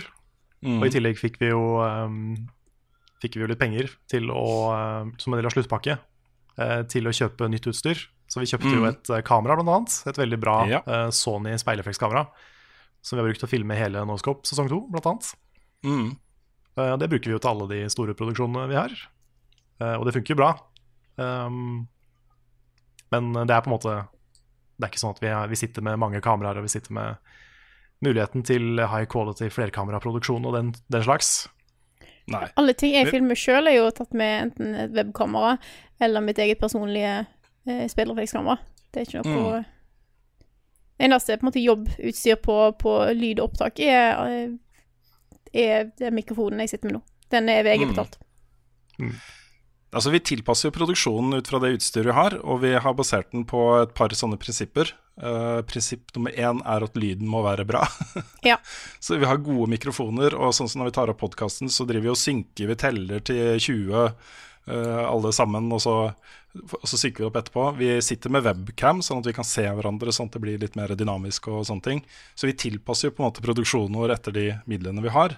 Med det utgangspunktet at lyden skal være så bra som overhodet mulig med de eh, greiene vi har. Og vi har kjempebra mikrofoner fra, fra VG-tida. Sånne Sennheiser intervjumikrofoner, som Mm. er skikkelig gode. Og vi har ikke bytta det ut, vi har bare bytta ut hetta på de. Det er akkurat det. Det er derfor ikke du har den der røde med teip på lenger. Yes. Jo, ja, vi brukte vel den under eter, tror jeg. Ja, en av ja, de, en av de har fortsatt teip. Ja, men de tre andre har vi satt uh, nye hetter på. Eh, og så har jeg gått ut, jeg gikk ut på mm, eh, et uh, en sånn der byggevarekjedebutikk eh, i Norge og kjøpte en arbeidslampe til en tusenlapp. Som er sånn Den gir akkurat sånn greit Fyller ut lyset litt, sånn at det ser litt bedre ut. Men det er jo ikke et proft lyssystem som vi burde hatt. Men ja. Så vi merker jo stor forskjell på den produksjonen vi gjorde i Spania, hvor vi hadde med et lysrigg, et ledd lysrigg som lyser opp skikkelig. Mm. Ja, det lys har så utrolig mye å si for kvaliteten på ikke bare et bilde, men liksom hvordan en person ser ut på kamera. Mm. Det mm, Ja, en person kan bli liksom ti ganger penere av riktig belysning. Mm. Nei, så vi har bare minimum, men det vi har, er, har ganske høy kvalitet. da. Ja. Altså De mikrofonene vi har, og zoomene vi bruker, og sånne ting, er bra. Mm. Vi har ett bra kamera. De to andre er jo ikke så verst, de heller. Sånne handycams som vi tok Ja. med oss fra VG. Det er det som heter sånne prosumer-kameraer. Nettopp. Som er litt bedre enn vanlige handycams, men, eh, men fortsatt ikke på, helt på proffnivå. da. Nei. Men de funker til eh, spesielt reportasjer og sånn, er det veldig bra på. Men det er jo en drøm for oss å kunne ha, få råd til å investere i uh, proffere utstyr som løfter liksom, produksjonskvaliteten på tingene vi lager. Mm. Det Og er ikke jo minst et skikkelig studio. Et skikkelig studio. Mm. Det, er, eh, det er en drøm vi har. Vi kan ta neste spørsmål. Det kommer fra Martin Pettersen. Eh, vi har snakka litt om det før, men eh, det er et tema som er viktig å sette litt lys på, så derfor tar vi det en gang til. For noen uker siden kom det fram i en artikkel at spillavhengighet har blitt en anerkjent psykisk lidelse. Mitt spørsmål er som følger. Burde man ha mer fokus på gaming og mental helse? Jeg har kjent flere opp gjennom årene som har stengt seg inne foran PC-en når livet er vanskelig. Burde f.eks. dere som står i rampelyset snakke åpent om sånt? Jeg tror det er viktig, og da er jeg helt enig. Det er en viktig ting. Mental helse er noe som kan kan ramme nesten hvem som helst. Eh, og jo mindre stigma det er rundt det, eh, jo bedre tror jeg Jo enklere vil det være å få hjelp hvis du sliter med det. Eh, og jo enklere vil det være for deg som sliter med det, å kunne gå og spørre om hjelp. Mm. Ja, det er, det er veldig sant, for det er fortsatt mye stigma rundt det. Vi snakker mer om mental helse nå enn vi gjorde for bare fem år siden, men det er fortsatt Det sitter fortsatt veldig langt inne for veldig mange. Det er mange som ikke takler å snakke om følelser i det hele tatt, og det er jo synd, for det er jo veldig, veldig sunt å gjøre det. Og eh, ja, mentale lidelser er eh, overalt, og ofte Altså, det er veldig mange som er interessert i gaming, som også sliter med isolasjon, som sitter med hjemme, som kanskje ikke har et så sterkt sosialliv, um, som da har en tendens til å rømme inn i spill. Det er en reell ting. Mm. Det, er også en, det er også en sånn eh, Hva skal man si, det, det er også en positiv eh, ting, da. Eh, En av de tilbakemeldingene vi får, kanskje ikke oftest, kanskje, men eh, vi har fått mange av dem. Det går jo på at, at folk via da communityet vårt og ting vi lager og, og sånt, føler, at de kanskje føler at de er en del av et fellesskap som de ikke har eh, i hverdagen ellers. Det er jo en sånn tilbakemelding som vi um, blir litt sånn ydmyke når vi får det. For det er jo et stort på en måte, ansvar å føle. da, At man er i en sånn posisjon hvor man kan samle mennesker med felles interesser og felles verdigrunnlag og sånne ting for å lage noe positivt. En, po være en positiv kraft i livene til folk. Um, men det er allikevel også det er, det er en viktig del av alle communities, føler jeg. At man uh, uh, At det er en positiv ting da, for veldig mange å være en del av noe sånt. Mm. Det som er, det som er eh, tingene som Verdens helseorganisasjon uh, kom fram til da, gjennom mange diskusjoner med uh, folk som kan dette i alle land og, og, og sånne ting, det er jo at la oss nå definere uh, de som lider av spillavhengighet som en sånn klinisk sykdom for å kunne hjelpe dem. Og det er ikke snakk om mange mennesker. Også det er snakk om liksom under 1 tror jeg, av de som spiller mye, kan liksom havne i den kurven. da. Uh, og være hva skal man si uh, et mål for behandling. Uh, det som også understrekes der, er jo at det er jo ikke bare spillinga som er issue her. Dette, er snakk om det er personer som har andre elementer i livet sitt som gjør som må være en del av behandlingen. Du kan ikke bare si at oi, spillavhengig, det er det som er problemet, la oss nå bare Mm. kutte bort spillene, så blir dette bra. Selv Verdens helseorganisasjon sier jo ikke det. Ikke? Det er ingen psykologer man kan respektere som sier noe annet enn det. Nei, sant. Nei, for det, det er veldig lett å tenke at dette her er et angrep på spill. At her skylder de på spill for andre problemer. Men det er jo det første de vil legge merke til når de begynner å behandle dette her, det er jo nettopp det at det handler om isolasjon og handler om sånne ting. Mm. Og når du får fokus på det, så kan du også lettere eh, håndtere det.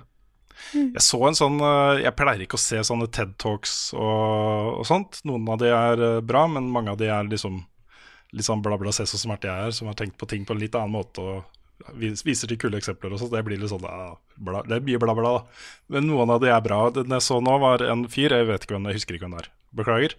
Men han snakker om eh, et uh, forsøk som har definert mye av hvordan uh, hvordan folk, uh, forskningen ser på avhengighet. Eh, det var et forsøk som ble gjort sånn tidlig 1900-tallet, sånn, jeg tror det var 1930 eller 40, eller 50, jeg husker ikke, tidlig, hvor eh, de tok da en rotte i et eh, sånn lukka eh, miljø, ga den valget mellom å drikke vanlig vann eller vann med narkotika, Eh, og hvis man bare drakk narkotikavannet, så døde man. Og det, alle rottene gjorde det, da. De døde, de drakk, de valgte narkotikaen og døde. Men så gjorde de et nytt forsøk nå for noen år siden, hvor de plasserte flere rotter i et lignende miljø, hvor det var masse kule ting de kunne gjøre. Du hadde sosialt fellesskap. eh, de hadde det bra, da. Og så var det to flasker, og det var ingen som drakk så mye at de døde. Og de aller fleste valgte stort sett bare vanlig vann uh, istedenfor å drikke liksom, det narkotikavannet. Og det, det han snakka om da, var at dette handler jo om liksom hvilken plass man har i sitt lokale samfunn. Altså hvor, eh, hva slags relasjoner man har. eh, hvor komfortabel man er på den plassen man er, og sånne ting. Og det er det som jeg tenker er liksom viktig å snakke om. da. At man eh, eh, jobber med å bli inkludert i, i noe. Om det så er bare én annen person, eller om det er et lokalmiljø eller et online-miljø, eller hva som helst, hvor man føler at man blir sett og blir hørt på og blir anerkjent som en person og alle de tingene der. Det forsøket der er så dritkult. Forskning! Ikke sant? Yes. Jeg, jeg, det, er, en det, er sånn, det er et sånn eksempel jeg trekker fram hvis det er noe sånn i sånne settinger, for jeg syns akkurat den, den, det, det eksperimentet der eh, sier så utrolig mye. Mm. Mm.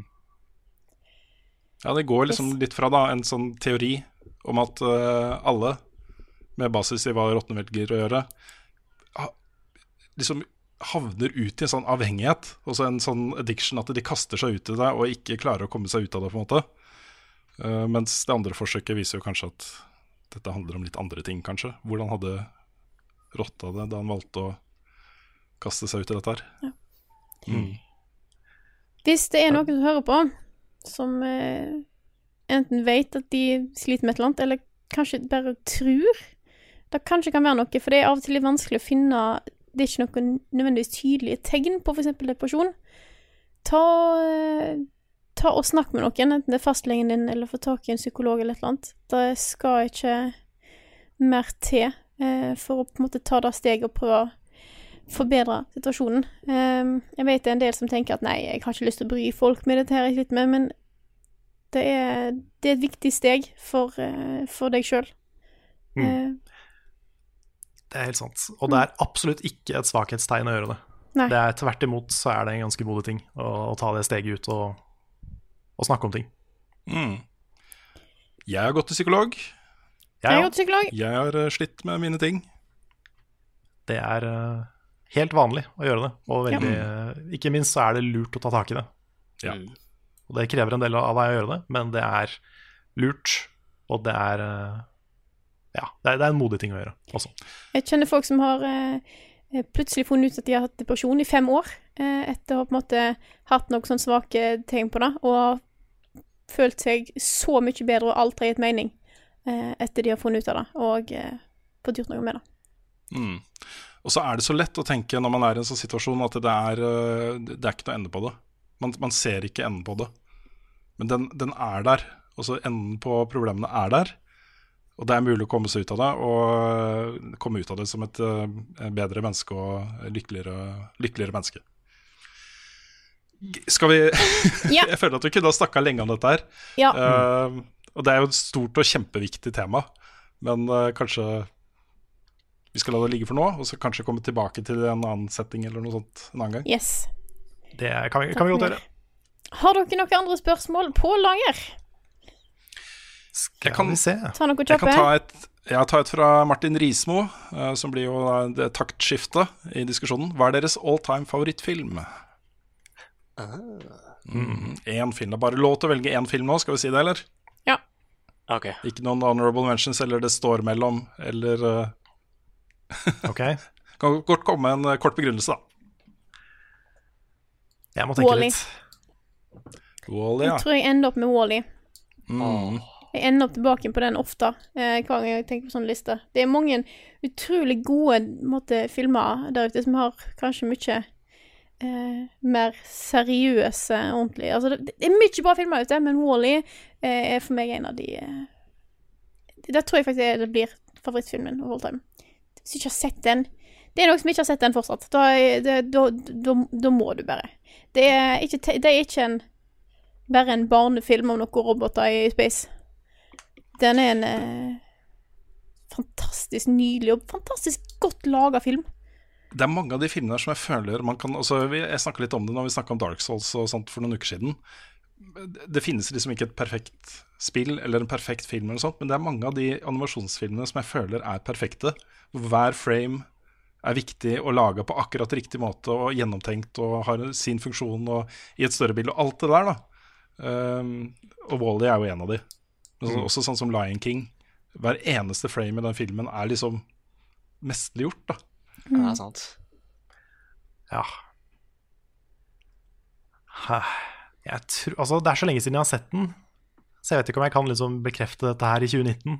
Men uh, i veldig mange år så har favorittfilmen min vært uh, 'Eternal Sunshine of the Spotless Mind'. Ja. Nå er det i hvert fall ti år siden sist jeg så den, så jeg kan ikke, kan ikke bekrefte at den har holdt seg. Men jeg husker den som uh, en veldig, veldig veldig bra film. Mm. Åh, den har jeg fortsatt ikke sett, vet du. Den må jeg se. Å, den er, burde du se. Ja, den er kjempebra. Det er kult å se liksom, Jim Carrey i en litt annen rolle også. Det er det. Han er god på drama når han først gjør det. Mm. Har du en nikk? ta Ja, Nick. Ja, for min favorittfilm er jo The Prestige. Ja, den er bra. Fra vår lord and savior Christopher Nolan. Yes. Den er ikke langt tilbake for meg heller, ass. Det er sånn Den skal jeg se igjen. Jeg har bare sett den én gang. Den eh, må jeg se igjen. ass. Og den må du se på nytt. Den er verdt å se flere ganger. ass. Ja, den, den blir bedre av å se flere ganger. Ja. Ja, den har, den har bra replay value, som det heter. Ja, det, det er sånn uh, Det er fordi jeg, jeg er jo veldig glad i plot twister. A twist. Jeg elsker det med at jeg kan se en film på nytt igjen. Med nye øyne, ikke sant. Med ny Mm. informasjon og fortsatt kose meg. Og The Prestige er liksom Det handler om to magikere som har lyst til å Den ene gjør først ett triks, og da skal den andre prøve å overgå det trikset. Og da er det fram og tilbake. Og jeg kan jo si at det er jo mellom Wolverine og Batman. Hugh Jackman og Christian Bale, ikke sant? Så det er veldig kult.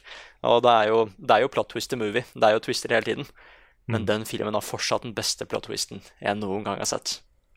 Mhm. Måten den twisten er bygd opp på, Og jeg, jeg følte meg så, så dum. Det, det, det er så obvious. Så er det ikke det, for den, den er bygd opp som et uh, magic trick, ikke sant? Mm. Ah, nei, så det er, det er fortsatt prestige, ass. Ja. Det er, sånn, det er noen sånne mystery box-type filmer som ikke funker helt, men den her funker så utrolig bra. Ja, den, den har liksom ødelagt andre Mystery Box-filmer for meg, ass. Ja. Mm. Også David Bowie. David Bowie. Ja, David Bowie er der òg. Mm. Ja, det alt blir bedre med David Bowie. Ja, Rune? Ja, ja, min favorittfilm Jeg hadde egentlig en annen film i alle år. Um, og hvis jeg skal være sånn derre film Altså sånn konnoissør, så er det kanskje den jeg ville valgt. Men hvis jeg skal være helt ærlig med meg selv, så må jeg nok komme med det kjedelige, kanskje litt, valget The Matrix. Ja, det er, jeg er så glad i sånn high concept-ideer, konsepter, ideer, som kommer fram på den måten der. Og det er nok litt farga også. Altså, det er den, filmen jeg har sett flest ganger. Den kan jeg se igjen. Og jeg kan sette den på den nå og kose meg nesten like mye som en av de første gangene jeg så den. Uh, den er bare, Jeg elsker den filmen. Uh, men det som kanskje hever den til å være helt på toppen, da, var at jeg visste jo ingenting om filmen før jeg så den første gang. Og jeg så den på en kino, uh, så den på kino, ikke sant. Visste ingenting om den. Jeg hadde ikke sett trailer engang for filmen. Eneste jeg visste, var at det var noe science fiction og noe hacking og sånt. Å få den opplevelsen da, uten å vite en damn shit om den filmen, det var sterkt, altså. Shit, åssen hadde det vært? Fy søren. Ja, det var helt konge, altså. Så Vil dere vite hva mitt filmkonnoissørvalg er? Yes, gjerne. Brasil, Terry Gilliam. Ja, jeg visste det. Den har jeg Kan- også sett vanvittig mange ganger. Altså. Den er helt herlig. Jeg vet ikke om jeg har sett den. Men siden du nå sa to, kan jeg også si den Ja. jeg kom på underveis. Ja, Siden jeg brøt bare si jeg satt, så er det greit. ja, det, altså, vi klarer aldri å følge de reglene der uansett. Ja, fordi um, jeg satt og tenkte litt mens, eh, mens dere gikk gjennom deres. Og en film som kanskje har betydd aller mest for meg, som jeg også så på kino i ganske ung alder, som bare transformerte liksom kjærligheten min for både film og fantasy, det er Lord of the Rings, The Fellowship of the Ring. Mm. Den filmen, spesifikt den første filmen, Ja. er bare et sånt mirakel av en kinofilm. ja, den er helt eh, fantastisk. Den, den skapte jo liksom den moderne tolkningen av fantasy på film. Mm. Og den er så mye bedre enn den har noe rett til å være, nesten. Den, Ja. liksom, den bare gjorde alt riktig. Og du kan si at den kutta bort ting fra bøkene som var viktige, og sånn, og det, den gjorde det. Men når det kommer til liksom det å fortelle en fantasyhistorie på en ny måte på film, så er det gjort så utrolig bra i den filmen. Mm. Og den setter opp hele den trilogien. Og er det, bare et mirakel av en film, altså. Det er den beste trilogien of all time. Ja, det er, det er jeg kanskje enig i. Jeg prøver å tenke hvilke andre trilo trilogier. Da. Gudfaren, kanskje? Eller Men nå har jo dere to sagt dere faktisk sagt to filmer. Ja. Så da tenkte jeg jeg skulle ta fram min topp 100 Nei, jeg skal ikke da. Ja, ja, ja, gjør det. Veldig bra. Yes. Nei, jeg tror ikke jeg har noen topp to. Nei, det er greit. Sikkert er noe. Christopher Nolan igjen. Ja. Eller, eller Hercules. Mm. Å, Hercules. Ja, men altså, David Fincher hadde jo en, tri en trilogi der på uh, 2000-tallet som var bare insane, liksom, med Seven og uh, The Game Ah, og eh, Fight Club. De tre filmene på rappen. Han lagde de tre på rad, liksom. Ja. Wow. Så har du jo Cornetto-trilogien, er jo også eh, legendarisk. Den er Da, god, da sporer vi av. Ja, Og bare sånn, For de som lurer på hvorfor vi ikke sier Star Wars, så er liksom Star Wars er awesome, Ja. men det er liksom alltid én film som ikke er like bra som de andre i de trilogiene der. Mm. Så er det derfor jeg ikke setter det helt på topp. Ja. Nå sier jeg at vi får lov til å ta et kort spørsmål til. Ok, ja, men jeg må ta to. Ja, OK. Det er bare Det er ble greit, da. det fullstendig nedstemt med en gang. Jeg kan ta, Det ene er veldig kort, da. Ja. Eh, jeg vil, det er en kommentar til Carl Drogo, for han backer oss på Patreon Ja. Selveste. tror jeg. Eh, og det er Patreon jeg tok det fra. Um, men han skriver, skriver her Rune, du nevnte i spilluka at du skal spille The Witcher 3 i sommer. Kommer du til å holde løftet ditt denne gangen? Jeg har ikke lovet at jeg skal spille The Witcher 3. Jeg har sagt at jeg har lyst til å spille The Witcher 3. Så får vi se da om jeg får tid og overskudd til å sette av liksom 150 timer i sommer til det. Det er ikke sikkert jeg har det, men jeg, altså jeg har lyst til å spille The Witcher 3. Det står øverst på lista mi over de tingene jeg har lyst til å spille. Så får vi se. Eh, det spørsmålet jeg hadde lyst til å ta opp, er et fra Andreas Kammen Mork, som lurte på om jeg hadde sett traileren fra spillet Raw. eh, om vi har noen tanker om det er mulig å få det til. Det han snakker om, er et kickstarter-prosjekt. eh, som er ganske godt realisert. De har vist masse video. Men konseptet er at det, det er på en måte The Sims blanda med eh, survival-spill, blanda med GTA, blanda med masse greier. Ja, da vet jeg hva jeg Eh, snakker om. ja, du kommer på en øy, du blir på en måte mayor på den øya, og skal utvikle hele øya fra scratch. Det er ingenting der.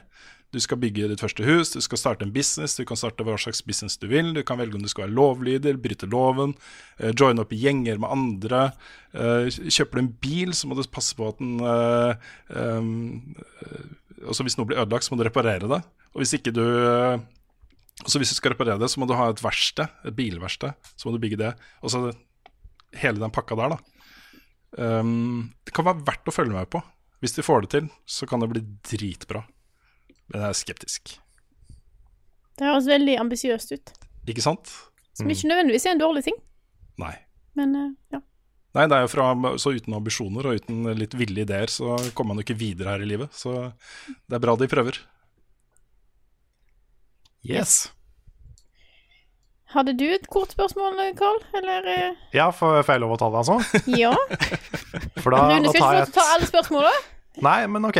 Nei, for da tar jeg et fra Kristoffer Gettoboys Hansen Leistad, som spør har dere noe dere bare må gjøre når dere kommer til nye plasser. Jeg f.eks. har en pågående polferd hvor jeg besøker Vinmonopolet på forskjellige plasser der jeg overnatter, eller bare kjører gjennom. Det er en polfarer. Ekte norsk Ja, det var veldig fin. Ja. Ja. Mm. Nei. Jeg, jeg har én ting som jeg kanskje har lagt litt fra meg med åra, men jeg var veldig investert i dette her da jeg var fjortis. Og det var det å liksom prøve McDonald's i alle land jeg er i. Oi! Fordi det er forskjeller. Og jeg mener å huske at McDonald's Frankrike er den beste jeg har vært på. OK. Så um, ja, jeg har ikke vært så flink til å følge det opp i de siste, i de siste åra, men uh, in, in my teens så prøvde jeg det. Hver gang jeg var i et nytt land. Ny McDonald's. Det er ikke et veldig sunt uh, det, det er ikke en sunn ting. Nei, men det er på en måte Det er, liksom, det er bare én gang. Det er, liksom, Ja. det er ikke sånn at eh, hvis du drar til Spania, da, så må du gjøre det på en måte hver eneste McDonald's du ser. Det er liksom Nei. bare én. Men jeg hadde lyst, jeg hadde oppriktig lyst til å dra på McDonald's en gang da vi var i Spania nå, for å spille inn uh, Nonscope. Det var en uh, Ja, jeg prøvde ikke å kjøre gjennom på det, men jeg hadde egentlig litt lyst. Mm. Nå, jeg, nå har jeg ikke reist så mye de siste, de siste årene, av naturlige grunner. Men jeg er veldig glad i å reise. Og en av de tingene jeg liker aller aller best med å komme til nye byer, det er å finne Så dere vet hvordan plasser, også eh, spesifikke steder, kan ha liksom en egen, egen greie ved seg. Noe ved seg som er Bare det å være der er en opplevelse. Og For å ta noen eksempler. da, Du har liksom 54. etasje på Park Hyatt i Tokyo. eh, New York Bar and Grill med panoramautsikt over hele byen og sånne ting. Og det interiøret som er lagd av, eh, av Konrad, tror jeg det er. eh, Kjent designer. Hele den stemningen, liksom. Altså, det er et sånt sted jeg kan reise tilbake til etterpå. Og jeg har det så klart for meg i hodet hvordan det føltes å være der, hvordan utsikten så ut, hvordan drinken jeg drakk smakte, alt det der, liksom. Sånne steder må man jo på en måte leite litt etter. Man må f- eh, gjøre litt research, man må sjekke. Men jeg pleier alltid å gjøre det i nye byer jeg drar til, da, først og fremst. Er det noen plasser, her, noen barer, noen steder, et eller annet som har noe ved seg, så folk er sånn ekstatiske over at de faktisk har vært der, eh, så prøver jeg å oppsøke de. Så Dutta smultringa. for, for eksempel. Det er, en sånn, det er en sånn ting og sånn sted og en sånn opplevelse som man bare får i Tromsø, ikke sant? Ja, Og det, er, det, da, det må man få med seg når man er der, ikke sant? det er sant. Jeg er veldig opptatt av å teste dessert. Ja. Ja. Det, det, det er det. Åh, men vet du hva, Nick? Hæ? Hvis du, hvis du er i Oslo på mandag, så eh, da, da har jeg lyst til å treat you to en sånn, eh, sånn vaffel på På herregud, Oslo Street Food. Boblevaffel. Ja, Ja. boblevaffel. Ja, for hvis du har en ting for desserter, Ja. that's gonna be your thing. Ja, det, der, det, er, altså, det, er så, det er så mye der at, uh, at det kan være det måltidet du spiser den dagen. Litt Tenk på. Så tenk alt mulig rart av tilbehør du kan ha til dessert og i en vaffel. Ja, Eh, så er det alt. absolutt alt. Fy søren. Ja, det er helt konge. Dessert er så nice. Mm. Jeg har nevnt dette før, da, men uh, da jeg jobba med Endre, uh, første programlederen i uh, Level Up, så hadde vi en Vi var så glad i kaker begge to, og søtsaker og sånt. Ideen vår var et nytt konsept. da Jorden rundt på 80 kaker. Reise rundt. det hadde vært så utrolig kult, altså. Er det forskjellige kaker hver gang? Ja, Da skal du komme til nytt sted, for det er litt det samme konseptet. Du skal, eh, alle stedene man kommer til, så er det noen steder som er berykta og kjente for å lage veldig gode kaker. Mm. Det finner du i alle byer. Det er å finne de stedene, og så smake på liksom én kake da, hver. Dette er et kul, men uh, nå ble jeg nysgjerrig på, sånn her, uh, på alle de detaljene i dette her. Så Ja. telles liksom en veldig spesiell is som en Ja da. kake? Ja, okay, i okay, det konseptet kult. her så ville de gjort det. Ja. Det er desserter, da. Også, eller sånn søtsaker ja. på kafé. Ja, for det har for jeg, Da jeg var i Roma, så var jeg på den mest kjente eh, plassen å få is, altså gelato. Eh, og der var det Det var litt sånn eh, Det var på en måte the place.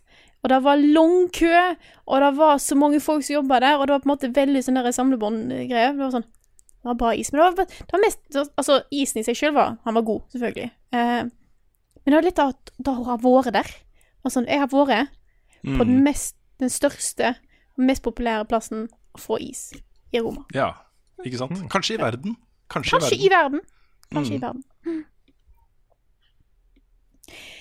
Nei, skal vi ta en runde av? Vi har jo en solid klump av en podkast her i dag.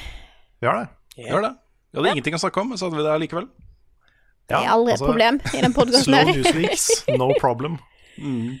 Åh, jeg tenkte jeg skulle ta en eh, oppsummering av eh, hva, eh, hva vi har gått gjennom i dag. Da. Det, vi har anbefalt Neon Genesis Evangelion. Vi har spilt eh, litt det samme som sist uke, men òg My Friend Pedro, Mhm. blant annet. Harry Potter, Wizards Unite. Harry Potter Mhm. Unite. Kingdom Hearts. Kingdom Hearts. Kingdom Hearts. Nick har spilt Kingdom Hearts, ass. Nei, solid podkast dette her.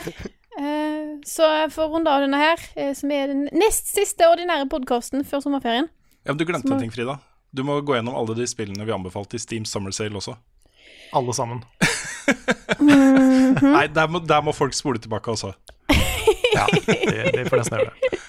Yes. Nei, eh, jeg vil eh, rette en stor, stor tusen takk til alle dere som støtter oss på Patron. Dere er fantastiske folk som gjør det mulig for oss å holde på med dette her, som vi elsker overalt på jord. Eh, så tusen, tusen takk. We love you. We love you. Very much. Så er det bare til å glede seg til Ja. Nei, jeg tror du skal si det nå. Gled oss til mandag. Ja. Håper vi får se noen av dere på premieren på mandag. Det blir Ja, vi vet vi får se noen av dere på mandag, eh, faktisk. Ja, det gjør vi. Ja. Med mindre alle blir forsinka eller noe sånt. Ja, Ja. Men jeg tror, jeg tror vi får se dere, i hvert fall mange av dere, på ja Det blir herlig. Det blir herlig, herlig, herlig. Og med da så sier jeg bare tusen takk for oss. Takk for at du hører på denne episoden her av Level Backup. Og så snakkes vi igjen neste uke.